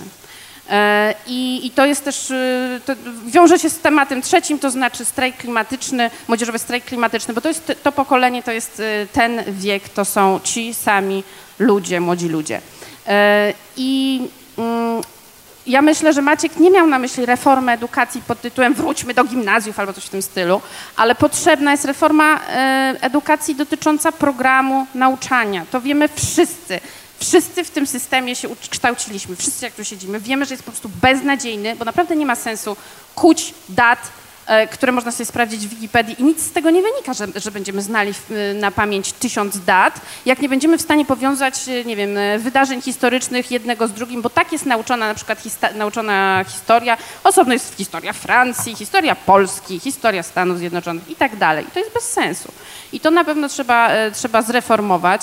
Mm, I, i, I, kończąc już, bardzo niepokojące jest to, co, co, sobie uświadomiłam, że najprawdopodobniej Prawo i Sprawiedliwość będzie starało się przywrócić egzaminy wstępne na studia w jakiejś formie, no bo przecież stworzywszy taką e, sytuację, w której mamy podwójny, ale nawet potrójny rocznik, będzie musiało dokonać jakiejś selekcji tych kandydatów i kandydatek na studia. E, I, I, myślę, że to jest coś, co może być kolejnym projektem Prawa i Sprawiedliwości. Z tym oczywiście jako Lewica będziemy e, walczyć, będziemy się temu sprzeciwiać i, i, i nie, mam nadzieję, że nie dopuścimy po prostu do tego ale jest coś, co my też w kampanii wyborczej przedstawiałyśmy z Magdaleną Biejat, z takimi pomysłami na to, co zrobić doraźnie, bo jest kryzys w edukacji. To jest kryzys, sytuacja kryzysowa. Bo powinien zostać powołany tak naprawdę sztab kryzysowy dotyczący y, rozwiązania y, sytuacji z, z, z, tym podwójnym rocznikiem głównie, ale nie tylko. Ale tutaj mamy naprawdę poważną sytuację, bo choćby lokalizacyjnie te, te, dzieci nie mają się gdzie uczyć. Tutaj trzeba stworzyć jakieś doraźne rozwiązania polegające na tym, że się, nie wiem, w, w, budynkach, w których mieszczą się szkoły, dobudowuje się piętra tam, gdzie to jest możliwe, na sale, które w przyszłości zresztą się przydadzą, bo przypominam, że projektem też Lewicy pomysłem jest to, żeby e, zmniejszyć liczebność klas, w związku z czym w kolejnych rocznikach po prostu te klasy też się przydadzą do tego, żeby rozgrupować e, dzieci. I, e, jest też projekt, który, który, który rozważałyśmy z Magdaleną, E, żeby mm, umożliwić e, osobom już po licencjacie na e, takich warunkach zatrudnienie w szkołach, który będzie zachęcający, który spowoduje, że trochę zmniejszy nam się e, ten niedobór, poważny i naprawdę coraz bardziej rosnący niedobór nauczycieli i nauczycielek w systemie edukacji, żeby dopuścić ich po, oczywiście po jeszcze prze, przeprowadzeniu, przejściu kursów pedagogicznych już osoby, które, które mają licencjat, żeby mogły nauczać tych przedmiotów kierunkowych, których mają wykształcenie, bo inaczej, y, inaczej rzeczywiście ten, ten, ten rocznik, rocznik mojej córki y, i, i sąsiednie, czyli 2004, 2005, 2006 będą absolutnie straconym pokoleniem, co się kiedyś odbije bardzo poważnie, nie tylko na rynku pracy, ale być może też w ogóle na sytuacji społecznej w kraju. Dobra, to ja się postaram też na, na, na, te wszystkie trzy pytania. To trzecie, edukację sobie zostawię na koniec i postaram się nie za długo, chociaż bardzo bym chciała bardzo długo. E, jeżeli chodzi o No Platform, to moja deklaracja jest prosta i jasna. Jeżeli chodzi o przestrzeń medialną, ja stosuję zasadę No Platform. Od pierwszego, w zasadzie wcześniej też, ale od pierwszego dnia po wyborach wszystkie media wrocławskie starają się mnie parować z nowo wybranym posłem, którego nazwiska nie wymienię, bo to też na tym też polega zasada No Platform e, z Wrocławia. Bardzo chcą zapraszać młodą posłankę i młodego posła do programu. Konsekwentnie odmawiam. Jak do tej pory na tym wygrywam, bo ja jestem zapraszana, a on nie. E, ale nawet jeżeli ta tendencja miałaby się odwrócić, to nie zamierzam z niej rezygnować. Myślę, że bez problemu mogę złożyć taką samą deklarację, jeżeli chodzi o media centralne. Nie zobaczycie mnie Państwo w programie jeden na jeden z posłem posłem, bo nie ma posłanek e, konfe, e, ko- Konfederacji. Jeżeli chodzi o szerszą debatę, to ja tutaj nie będę składać tych deklaracji, bo ja już się kiedyś na to nacięłam, miało nie być, pojawił się ktoś w jakiejś większej sali, jasne. Oczywiście to dotyczy przestrzeni medialnej, tutaj mam nad tym kontrolę i tu mam wybór, tak? Mogę zrezygnować z obecności e, na ekranie telewizora kosztem tego, że nie będę legitymizowała przedstawiciela skrajnej, radykalnej e, i na, na, nazizującej e, prawicy. E, Natomiast na sali sejmowej to jest oczywiście zupełnie inna historia, tak? I to jest przestrzeń sporu, to jest przestrzeń kłótni, to jest przestrzeń fajtu i tego się nie możemy bać. To znaczy, no przepraszam, jeżeli jakiś na, nacjonalista, neonazista stanie na trybunie sejmowej i będzie coś nawijał o karze śmierci, no to przecież nie będziemy stosując no platform siedzieć cicho i mówić, aha, niech wybrzmi, bo to jakiś szur. No nie szur, tylko poseł, tak, stoi i, e, i wrzuca taki temat do, e, do debaty publicznej, więc temu trzeba dać, dać odpór. E, Kolejna kwestia jeszcze z, z Konfederacją, no to najlepszym sposobem na osłabianie Konfederacji jest trochę odbijanie ich elektoratu. To nie jest tak, że wszyscy ludzie, którzy zagłosowali 13 października na Konfederację, to są zadeklarowani neonaziści. Tak, jest bardzo duża część elektoratu antyestablishmentowego, niechętnego, zniechęconego tym, że Kukiz poszedł z PSL-em, więc w zasadzie poszedł z elitami. I kogo oni mieli tutaj znaleźć? No część przyszła, przyszła, przyszła do lewicy, ale dla części ta lewica była zbyt mało antyestablishmentowa, zbyt mało chcąca rozliczyć e, dotychczasową e, klasę polityczną, więc to jest jakaś przestrzeń na to. A my mamy sporo radykalnych pomysłów, sporo takich, które mogłyby być atrakcyjne dla, także dla tych ludzi, więc to jest taka długofalowa, długofalowa strategia na radzenie sobie jakoś tam z, e, z Konfederacją. Jeżeli chodzi o młodzieżowy strajk, e, strajk klimatyczny, to ja myślę, to to, to, to, to już gdzieś padało, tylko w innym kontekście, że szalenie istotny jest kontekst międzynarodowy to tu, tu, tu, tu wiadomo, tak? Znaczy ze zmianami klimatycznymi, z katastrofą klimatyczną my sobie sami nie poradzimy i sami młodzi ludzie w jednym kraju też sobie nie poradzą, tak? To znaczy tutaj jakieś sieciowanie, wspieranie, budowanie też polityki międzynarodowej, e, polityki, polityki zagranicznej, która będzie sprzyjała, będzie sprzyjała wpro- wprowadzaniu rozwiązań, e, które pomogą uratować nas przed katastrofą klimatyczną, też odważnych rozwiązań, to znaczy tak, żeby rozmawiać na poziomie na przykład Unii Europejskiej o pociąganiu wielkich korporacji do odpowiedzialności, tak, o opodatkowywaniu, o tym, żeby, e, żeby zmuszać je do tego, żeby jednak reagowały na, na zaistniałą sytuację. To są takie rzeczy, w które można też młodych ludzi, młodzieżowy strajk klimatyczny jakoś, e, jakoś włączać i wspierać. Myślę, że tutaj jako parlamentarzystki i parlamentarzyści mamy jakieś pole, e, pole do popisu. E, I teraz, jeżeli chodzi o edukację. To znaczy, tak, to prawda, znajdujemy się w sytuacji kryzysowej, natomiast nie ma takiej magicznej różdżki, która sprawi, że nie wiem, ogłosimy stan kryzysowy i, i wtedy już będzie dobrze, tak? I da, się, I da się wprowadzić jakieś takie, trzeba oczywiście wprowadzać doraźne rozwiązania, no ale długofalowo, długofalowo to, e, to, to, to, to za wiele nie rozwiąże. Na pierwszy, na pierwszy ogień muszą iść, znaczy nie, nie na ogień, tak, tylko pierwszym, pierwszym podmiotem wsparcia muszą być samorządy. Bo to nie tylko dlatego, że jest źle i nie tylko dlatego, że w tej chwili im nie starcza, tylko też dlatego, że przez najbliższe przynajmniej 4 lata to na nich będzie wisiała odpowiedzialność za sieć szkół, za zatrudnianie nauczycieli, znaczy za jakość tej edukacji. I inaczej nie będzie, tak? To znaczy w Ministerstwie Edukacji Narodowej nie zasiądzie nikt, nikt z, z opozycji, nie będzie żadnych zmian systemowych wprowadzanych tak, żeby łagodzić te skutki. To znaczy to się, my możemy o to apelować, my możemy je podrzucać, my możemy podrzucać pomysły, my możemy prosić i wywierać presję, ale na to nie ma co się nastawiać. Odpowiedzialność będzie spoczywała na samorządach, dlatego wspierać je trzeba środkami finansowymi, zabiegać o to, żeby jednak e, ta subwencja pokrywała wszystkie deklaracje, które są, e, które są składane przez rząd, a nawet, nawet więcej. To trzeba oczywiście, oczywiście robić, docenić, docenić samorządy. Druga sprawa, ja bym wszystkim nauczycielom i nauczycielkom doradzała, że to jest właśnie ten moment, ten moment, w którym warto się zapisać do związku zawodowego. Znaczy to jest ten moment, w którym trzeba się uzwiązkowić, w którym trzeba budować masę, bo jeżeli nadejdzie taki moment, w którym będziemy mogli coś realnie zmienić, to żeby te związki były, żeby nauczyciele w kupie byli jak najsilniejszym partnerem i, e, i podmiotem do, e, do rozmów. Ale to jest tak naprawdę taka, taka rada szersza. Znaczy ja bym ją w ogóle ujęła pod takim don't panic, organize. To nie dotyczy tylko nauczycieli, to dotyczy także rodziców, którzy oczywiście przyjmują takie indywidualne strategie przetrwania, zabierają dzieciaki, jeżeli mogą, do, e, do szkół niepublicznych, no ale nie wszyscy, nie wszyscy mogą, więc kombinują, jak tutaj sobie, sobie poradzić. Są, pojawiły się przy okazji sprzeciwu wobec reformy edukacji organizacje rodzicielskie, warto się w nie angażować. Ja myślę, że warto i, i chciałabym to robić, zamierzam to robić, żeby wspierać je także z poziomu parlamentarnego, tworzyć im w Sejmie również jakąś wspólną przestrzeń do dyskusji, debaty. Fantastyczną rzeczą były te mm, narodowe, na- te, te, te ogólno, ogólnokrajowe narady e, o, o edukacji. Kolejna grupa, o której w ogóle bardzo rzadko mówią politycy, to są uczniowie. To znaczy przy okazji tych strajków nauczycielskich, przy okazji reformy zawiązały się organizacje uczniowskie i ruchy uczniowskie, młodzieżowy strajk uczniowski, który nie tylko wspierał nauczycieli, ale także wypracował swoje własne postulaty, głównie dotyczące takiego upodmiotowienia, to znaczy bycia słuchanymi, mm, wspierania samorządności uczniowskiej i to także jest podmiot, z którym my jako politycy musimy rozmawiać, nie tylko dlatego, że to są ludzie, którzy za 4 lata będą głosować, tylko dlatego, że po pierwsze wiedzą, jak, jak nie działa szkoła, po drugie będą w stanie za tych kilka lat doradzać, sugerować, proponować takie zmiany, które no, nabudowane na własnym doświadczeniu, wprowadzane mogą po prostu poprawić tą, e, tą edukację. E, jeżeli chodzi jeszcze o, to, o tą infrastrukturę, to znaczy ja mam taki pomysł, jak sobie doraźnie poradzić z kryzysem, mianowicie, znaczy z podwójnym rocznikiem i z tym, że brakuje sal. Jakieś lekcje chcesz wyprowadzić ze szkoły? Takie, są takie lekcje, które chciałabym wyprowadzić ze szkoły, które w dodatku ma, mogą mieć alternatywną lokalizację.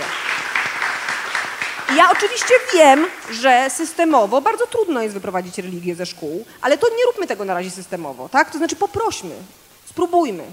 Macie te salki swoje parafialne. No, za mało jest miejsca, dzieciaki się uczą w schowkach na szczotki. No weźcie sobie tą lekcję na parafię, to będzie biologia mogła być w tej sali taka, wiesz, symbioza. Tam Więc jest trochę o biologii na dobry, lekcjach. Trochę jest oni zaproponują, żeby Polski tam przenieść. Żeby Polski. Ja, no, ja pisałam maturę z historii na, na parafii koło swojego liceum, więc tak, tak, tak, tak już, tak już bywało.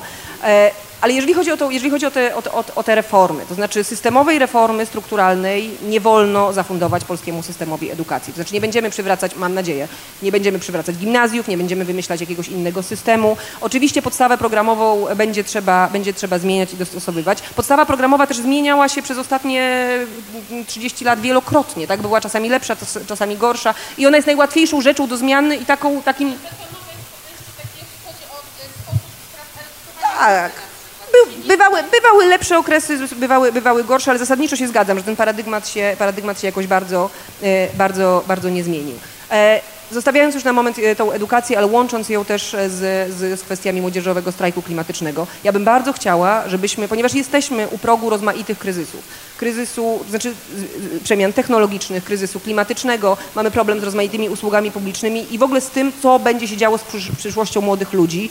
Moim zdaniem jesteśmy w takim momencie, zresztą deklarowałam to już w kampanii na jednej z debat organizowanej przez Młodzieżowy Strajk e, Uczniowski, powinniśmy w Polsce zacząć rozmowę, tylko rozmowę, to nie jest propozycja, to nie, mówię w swoim imieniu, a nie w imieniu imieniu Lewicy, to jest moja opinia, powinniśmy zacząć rozmowę o obniżeniu wieku uprawniającego do udziału w wyborach. Tak? Znaczy są takie przykłady, gdzie już od 16 roku życia można e, głosować. Jesteśmy w sytuacji, w której, w której politycy, polityczki decydują o przyszłości całych pokoleń, a te pokolenia co najwyżej mogą wyjść na ulicę i zaprotestować. Wydaje mi się, że to jest ten moment, w którym możemy pomyśleć o pewnym e, przesunięciu społeczeństwa obywatelskiego, znaczy nazwania tego, określenia tego, kto jest, e, kto jest obywatelem.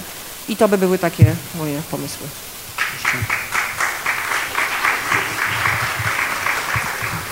Ja zacznę od e, kwestii e, Konfederacji w Sejmie. E, to jest pytanie, dlaczego ona się tam znalazła. Moim zdaniem dlatego, że brakowało prawdziwej partii liberalnej w tych wyborach. Znaczy nie było ani nowoczesnej, ani Platformy Obywatelskiej. Platforma tak się bała lewicy, że nie podejmowała żadnych kwestii związanych z e, liberalizmem, przedsiębiorczością e, i te sprawy wzięła Konfederacja, dlatego ma taki wynik. E, stąd nie wierzę tak bardzo mocno, że, że jesteśmy w stanie przejąć elektorat Konfederacji czy jakoś go do siebie przytulić. Bardzo obawiam się sytuacji, w której rzeczywiście będziemy, siedząc po przeciwnych stronach tej, tego amfiteatru sejmowego e, będziemy traktowani jako dwie skrajności.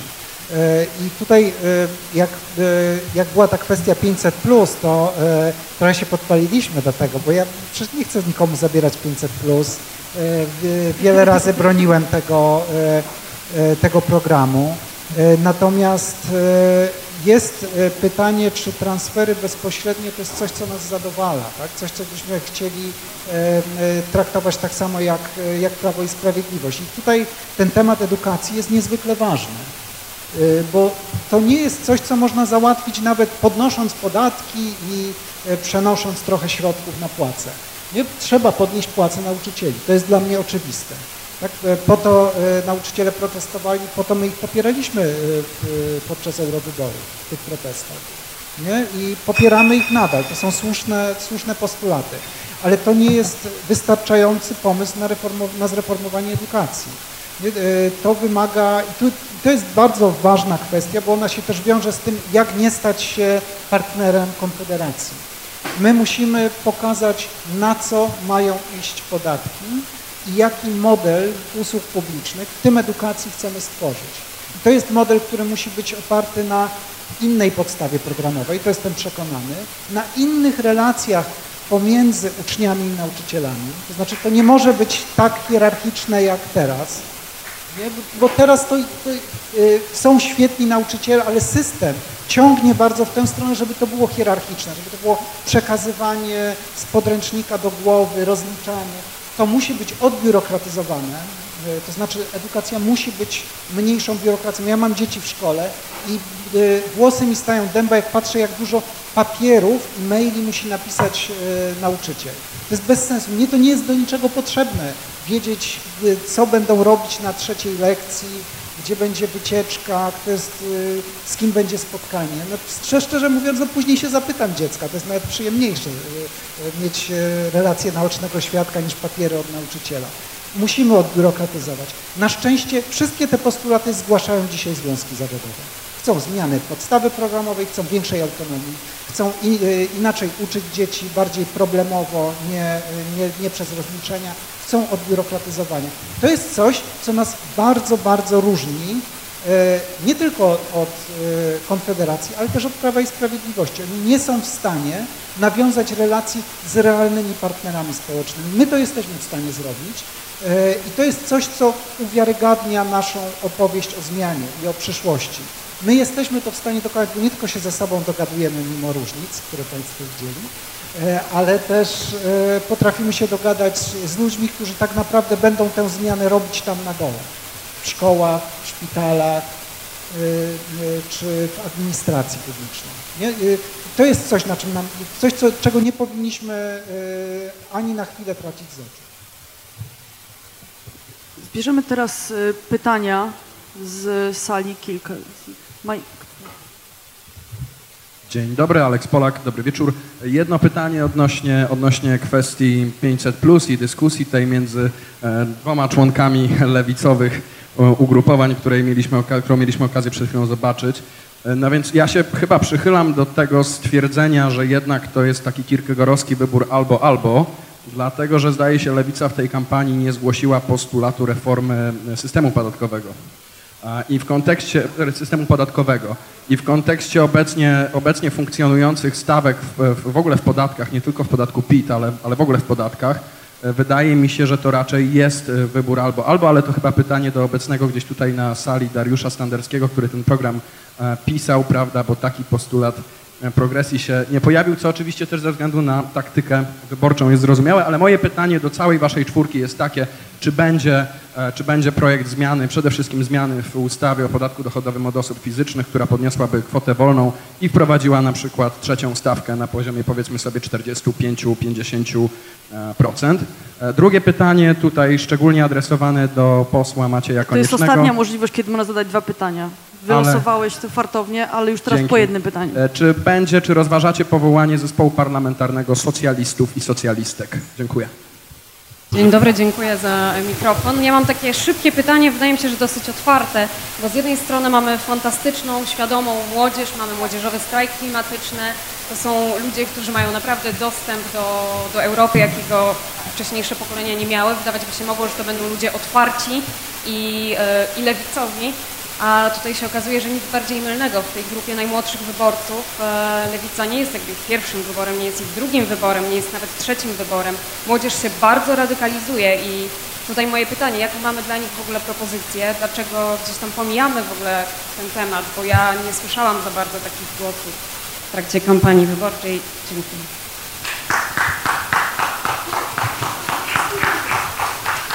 Dobrze, to ja zadaję. Znaczy, pytanie może jest nudne, ale mm, ja przysłuchuję się, e, przysłuchuję się temu, co mówicie i krążycie bardzo, e, jedni mniej, drudzy bardziej. Ja bym chciał się dowiedzieć tak naprawdę, jak wy macie zamiar przez te najbliższe 4 lata trafić do ludzi na placach handlowych, w średnich firmach, w małych zakładach, w fabrykę, do tych, o których mówicie, że są waszą bazą. Tu się już zaczęła rozmowa przy okazji nauczycieli na przykład, bo to są postulaty, o których mowa. A dla mnie to jest taka kluczowa rzecz, o której sobie mogę pomyśleć, że tak warto i wierzę i że za 4 lata coś z tego będzie więcej poza dyskusjami. Dobry wieczór, Michał Kolanko, Rzeczpospolita. Ja mam jedno pytanie. Czy, czy zgadzają się Państwo z taką tezą, że droga do realizacji ciekawych idei, nie zawsze spójnych, ale chyba lepiej mieć wiele niespójnych idei niż mało spójnych. Pod tym względem Platforma byłaby pewnie najbardziej spójną partią polityczną w Polsce. E, Chciałbym zapytać, czy, czy, czy zgadzacie się Państwo właśnie z tezą, że droga do realizacji tychże idei wiedzie po, po, po zimnym trupie Platformy Obywatelskiej? To znaczy jedynym sposobem, żeby lewica mogła je realizować, jest y, zająć miejsce y, Platformy. A pierwszą, pierwszym etapem prawdopodobnie, bo o tych wyborach padło y, bardzo niewiele, jest, są wybory prezydenckie. I czy czy się Państwo z taką tezą zgadzacie, czy, czy, czy nie? Dobry wieczór, Wiktoria Milwicz, trzecia liceum. Chciałabym zapytać Państwa, jaki jest Państwa stosunek do przedmiotów w szkole, jakim byłaby edukacja ekologiczna, jako przedmiot obowiązkowy, tak jak chemia, biologia czy historia, czyli przedmiot, który jest obowiązkowy w podstawie programowej i zawiera informacje o ekologii, dbaniu o środowisko, ale także przyszłości i byłby wdrażany już między innymi w podstawówce w późniejszych klasach. E. Dla mnie ważnym tematem jest e, temat procesu uzgodnienia płci w, e, Polsce, ponieważ myślę, że ostatnio jest bardzo ważnym tematem, ponieważ przez ten proces uzgodnienia płci Milo Mazurkiewicz zginęła i dzisiaj on wygląda okropnie, ponieważ trzeba pozwać rodziców i czeka się na uzgodnienie tej płci 6 chyba lat, e, na, bardzo długo na pewno i e, się, to nie było w kampanii, e, w kampanii wyborczej na pewno podkreślone i się zastanawiam, e, jak to będzie wyglądać w następnych czterech latach.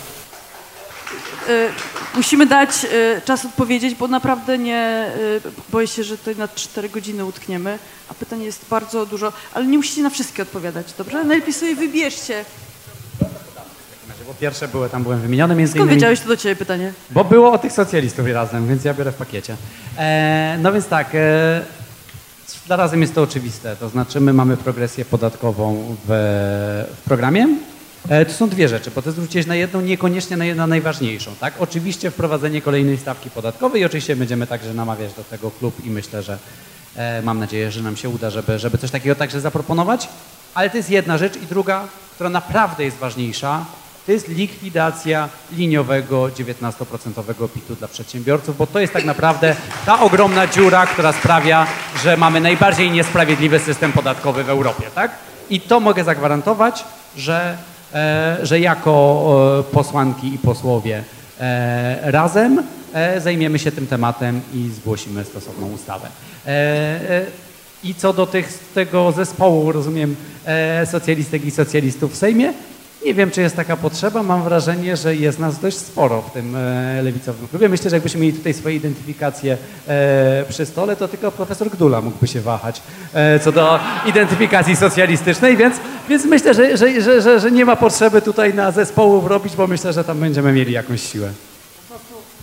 Po prostu będzie klub socjalistyczny, ja będę jedynym socjaldemokratą.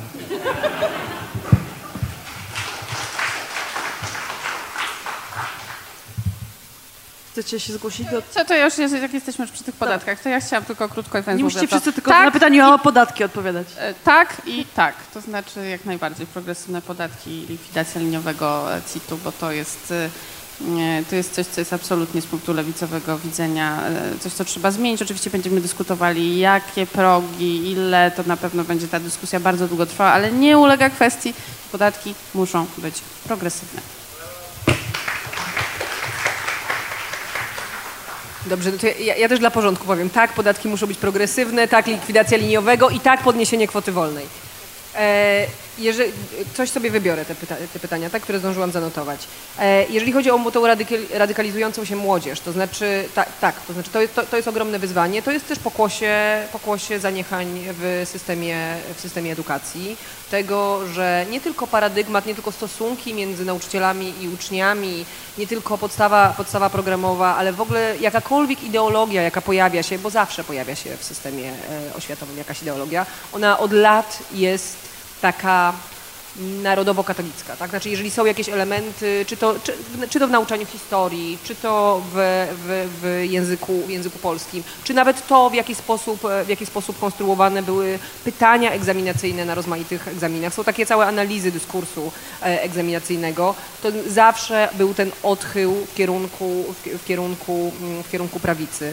E, oczywiście jest też takie proste psychologiczne, e, z psychologii rozwojowej wyjaśnienie, że radykalna prawica to jest, jakby radykalna prawicowa ideologia jest prosta a jest taki moment w życiu młodych ludzi, kiedy poszukują i szukają w miarę prostych, jasnych, klarownych odpowiedzi. Ona nie musi być prawdziwa, ona nie musi być adekwatna do złożonej rzeczywistości, ale daje, dostarcza takich prostych, szybkich, instant odpowiedzi, więc to jest kuszące. Tak? Lewica ma e, trudniejsze zadanie, ponieważ chce być bardziej merytoryczna, rzetelna, zniuansowana i tu trzeba znaleźć pewną atrakcyjną opowieść, e, czy, jakby, czy w ogóle taka, tak, niuanse muszą być, e, muszą być lepiej że tak powiem, sprzedawane również przez, przez system edukacji. Ale jest też tak, że jeżeli ktoś się radykalizuje, radykalizują się bardziej młodzi mężczyźni niż, niż młode kobiety. Tak? Jeżeli się podzieli te, te, te analizy na, e, ze względu na płeć, to widzimy, że młode kobiety chcą bardziej równościowego społeczeństwa, że młode kobiety mają bardziej egalitarne poglądy, są bardziej, są bardziej postępowe.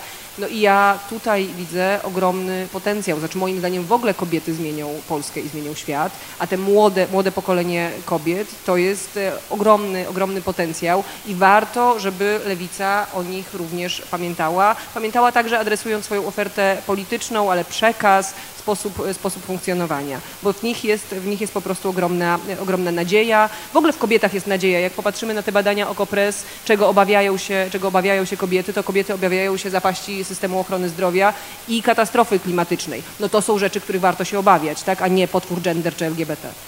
E,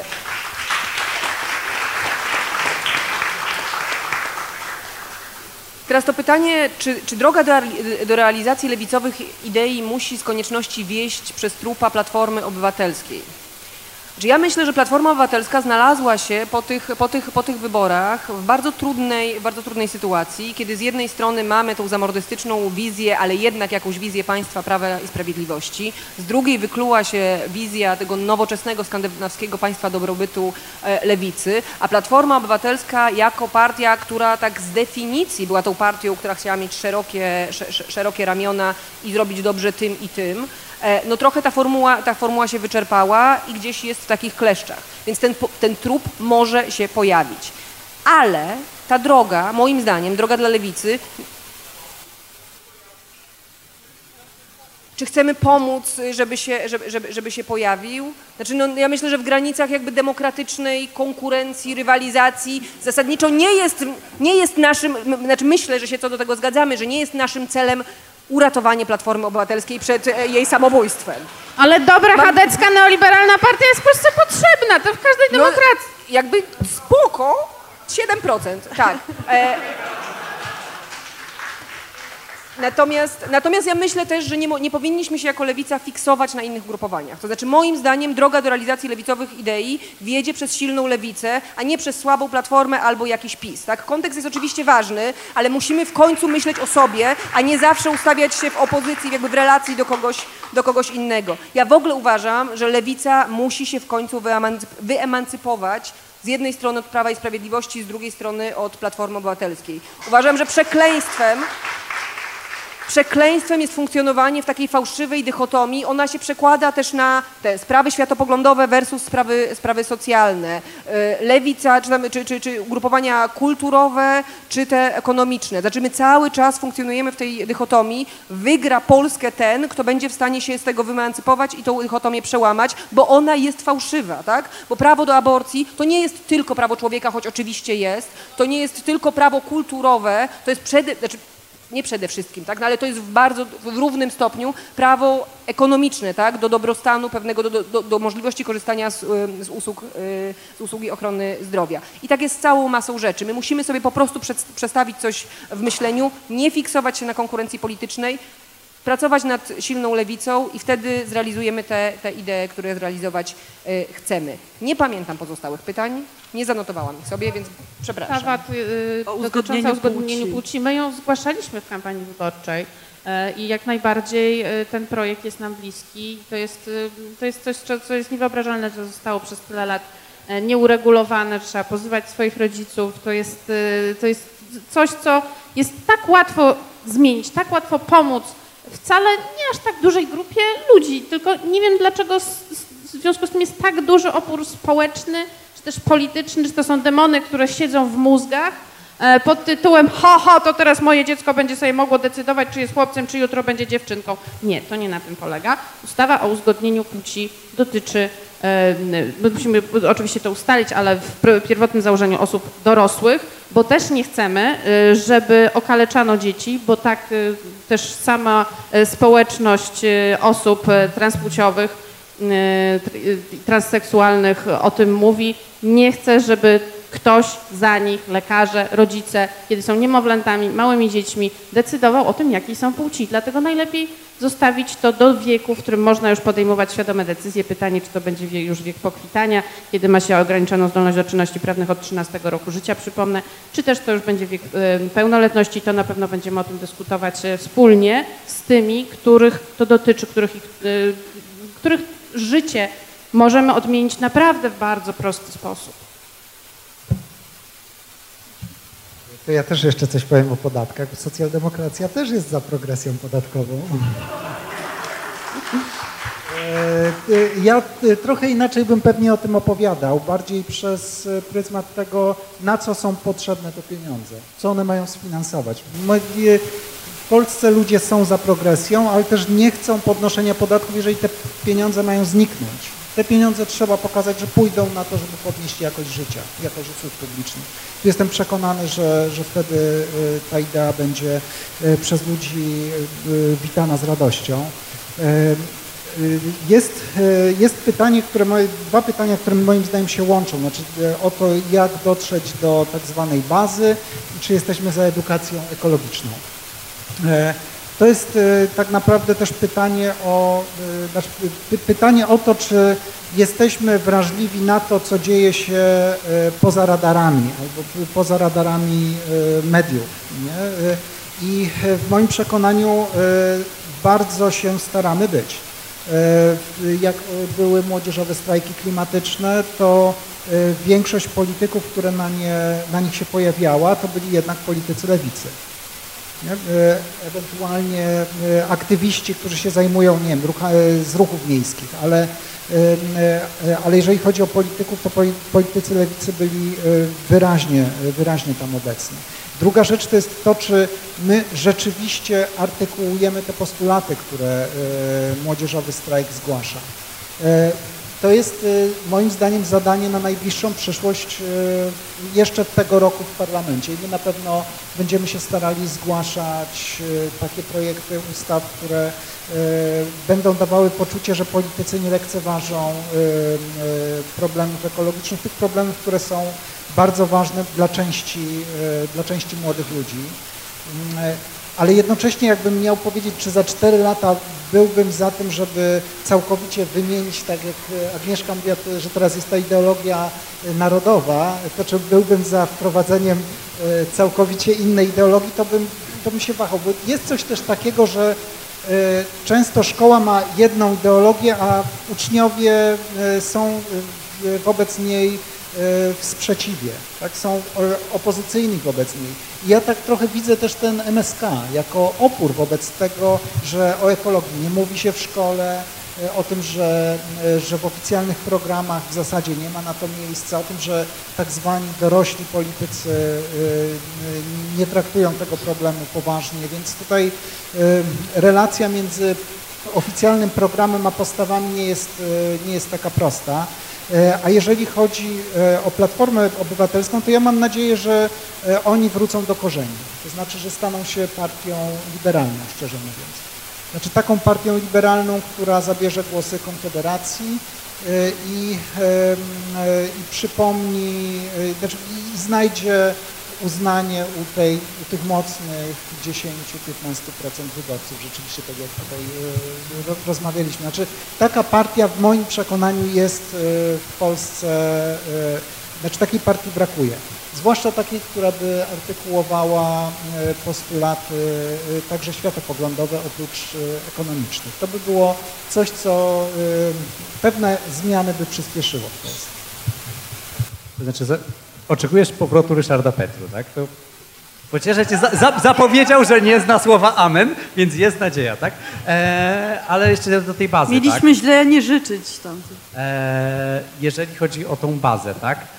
Bo to jest dość istotne. Ja mam wrażenie, że jako politycy musimy oczywiście być także aktywni w określonych walkach społecznych, tak? To znaczy, przynajmniej ja tak widzę rolę polityka lewicy, to znaczy, jeżeli gdzieś jest istotny strajk, także lokalny, jeżeli gdzieś jest jakiś bój lokatorski toczony, jeżeli gdzieś społeczeństwo organizuje się przeciwko e, niesprawiedliwości czy, e, e, czy lokalnym mniej lub bardziej tyranom, to trzeba tam być, wspierać w miarę możliwości i robić to z jednej strony dlatego, bo to jest słuszne, a z drugiej strony także dlatego, żeby przyzwyczaić ludzi do tej myśli, że to jest właśnie lewica. Że lewica to są ci ludzie, którzy stoją po ich stronie, przy czym nie mieć takiego złudzenia, że to nie dzieje się poprzez media. To znaczy, jeżeli my chcemy, żeby za cztery lata ludzie uważali, że powiedzmy lewica, czy my jako lewicowi reprezentanci czy reprezentantki jesteśmy e, ich czempionami, tego zwykłego człowieka, który, który spotyka się z nierównościami, to z jednej strony musimy być tam, gdzie ta walka się toczy, z drugiej strony musimy mieć świadomość, że ludzie dowiedzą się o tym przez media. Tak? E, to, to dotyczy także e, realizacji projektów określonych w Sejmie tak? I, i reprezentowania tych spraw, przy czym mieć świadomość, że ta nasza reprezentacja, tak najogólniej rzecz biorąc, którą jesteśmy w stanie efektywnie realizować przez najbliższe 4 lata, ma jednak w ogromnej mierze charakter symboliczny. Tak? To znaczy, że e, żeby nie wpaść w taką pułapkę samej interwencji, tak? bo jeżeli jako posłowie będziemy chcieli właściwie, to jest częste złudzenie takiej lewicy pozaparlamentarnej, takiej oddolnej, tak, że jak my będziemy latać od jednego strajku do drugiego, od rana do wieczora, to w końcu zrobi się masa ludzi, która spowoduje, do, do, doprowadzi do zmiany. Ale nie, no, na tysiąc osób jedna osoba jest w stanie doświadczyć twojej bezpośredniej obecności podczas e, jakiegoś sporu, tak? A kolejne 999 musi wiedzieć, że ty jesteś dla nich i dla ludzi, którzy tego potrzebują, tak? Czyli żeby trzeba być poza, trzeba być aktywnym, e, interweniować, uczestniczyć w walkach społecznych, ale trzeba pamiętać, że, że po prostu ta, ta reprezentacja ma charakter głównie symboliczny i medialny i też umiejętnie tego używać. Dobrze, ja, ja, się, ja się w zasadzie z wieloma rzeczami, które powiedział Maciek, e, zgadzam, ale, ale chciałabym tu jeszcze dodać, e, dodać kilka w odpowiedzi na to pytanie, jak docierać do bazy. Czy najkrótsza odpowiedź, jaką ja bym miała też ze swojego doświadczenia, bo wydaje mi się, że nie jestem, że, że, że, mogę powiedzieć, tak, że jestem dosyć dobrze zakorzeniona w środowisku nauczycielskim, pracowniczym środowisku nauczycielskim e, i tych związkach zawodowych. Najkrótsza odpowiedź byłaby latami konsekwentnie latami, nie tylko podczas strajków, nie, też oczywiście, tak? Nie, nie, nie, nie, że nie, tak? ale nie tylko podczas wydarzeń zewnętrznych, tylko po prostu zawsze, kiedy tego potrzebują, kiedy tego nie potrzebują też. To znaczy być w pogotowiu, być w kontakcie, słuchać i współpracować, budować to zaufanie, budować wiarygodność, ale też budować siebie, to znaczy swoją wiedzę, która przyda się za rok, za dwa, za trzy. E, To z perspektywy polityczki, która do niedawna była polityczką pozaparlamentarną i konsekwentnie budowała relacje ze Związkiem Nauczycielstwa Polskiego. E, Mam też takie poczucie zobowiązania, że jeżeli teraz stałam się polityczką parlamentarną, to muszę korzystać z narzędzi, które otrzymałam. Nie zasłaniać się tym, że jestem polityczką opozycji i ustawa, którą zgłoszę, nie, zostanie, nie przejdzie. My mamy jeszcze inne narzędzia. Mamy narzędzia takie jak interpelacje poselskie, mamy interwencje poselskie. Możemy wchodzić na każde posiedzenie Rady Gminy czy Rady Miasta, zgłosić wniosek do samorządu z pytaniem o to, dlaczego, nie wiem, sieć szkół została tak potraktowana, albo wynagrodzenia nie są podnoszone, albo na doskonalenie. Wszystko jedno, tak? Znaczy tych, tych, tych przykładów jest bardzo, bardzo, bardzo wiele. Właśnie dostaliśmy poselskie narzędzia, Skorzystajmy z nich tak, jak przez lata korzystaliśmy z naszych nóg i rąk i obecności fizycznej na demonstracjach. Wydaje mi się, że to jest najlepszy sposób, żeby pokazać, że to nie było po nic. Tak? Znaczy, że nie chodziło tylko o to, żeby uzyskać poparcie i wjechać do tego Sejmu, tylko po to, że my chcemy być dla nich, z nimi i realizować to, co się da teraz, kiedy jesteśmy w opozycji, po to, żeby wiedzieli, że jak za 4 lata wystartujemy w wyborach i zdobędziemy tą władzę i będziemy rządzić, to zrealizujemy te wszystkie duże ustawy, duże postulaty, duże programy, które, które zapowiadamy. Moim zdaniem musi być taka kolejność. Najpierw być, działać, współpracować, potem dowodzić, że obietnice są, są, są realizowane tymi środkami, które są dostępne, a później składać obietnice większe i je również dowozić. I to jest pewnie plan na jakieś 15 lat, tak? Ale nikt nie mówił, że pójdzie szybko. Tak się buduje lewicę, buduje się, tak, się, tak się buduje zakorzenienie społeczne i nie zapominać o nich, tak? To znaczy to media są ważne, strajki są ważne, demonstracje są ważne. Istotne jest też to, co powiedział Maciek Konieczny, to znaczy, żeby tak nie skakać, tak? Znaczy ja, ja nie muszę być na wszystkich strajkach wszystkich grup pracowniczych. Jeżeli współpracuję z nauczycielami, z pedagogzkami i jeszcze, nie wiem, z dwiema czy trzema innymi grupami zawodowymi, okej, okay, tak? Inni posłowie, inne posłanki zrobią, zrobią coś innego. Znaczy trzeba się dzielić rolami. Lewica to sport drużynowy. Musimy się podzielić i musimy, tak żeby ogarnąć całą tą przestrzeń społeczną, musimy po prostu ze sobą współpracować. Dzięki. Dziękuję bardzo. Raz jeszcze przypominam, że witamy Lewicę w Sejmie. Bardzo dziękuję Wam za tę dyskusję. Agnieszka Dziemianowicz-Bąk, Anna Maria Żukowska, Maciej Gdula, Maciek Konieczny. Będziemy wracać do tych tematów, do wszystkich pytań na łamach krytyki politycznej. Będziemy robić z Wami rozmowy. Zapraszam, zachęcam Państwa do wspierania krytyki politycznej, bo dzięki Państwa wsparciu możemy robić medium, a możemy też robić takie debaty. I ostatnia rzecz, chcę bardzo podziękować Mikołajowi Sysce za organizację tej debaty. Podcast krytyczny. Postępowy głos w Twoim smartfonie.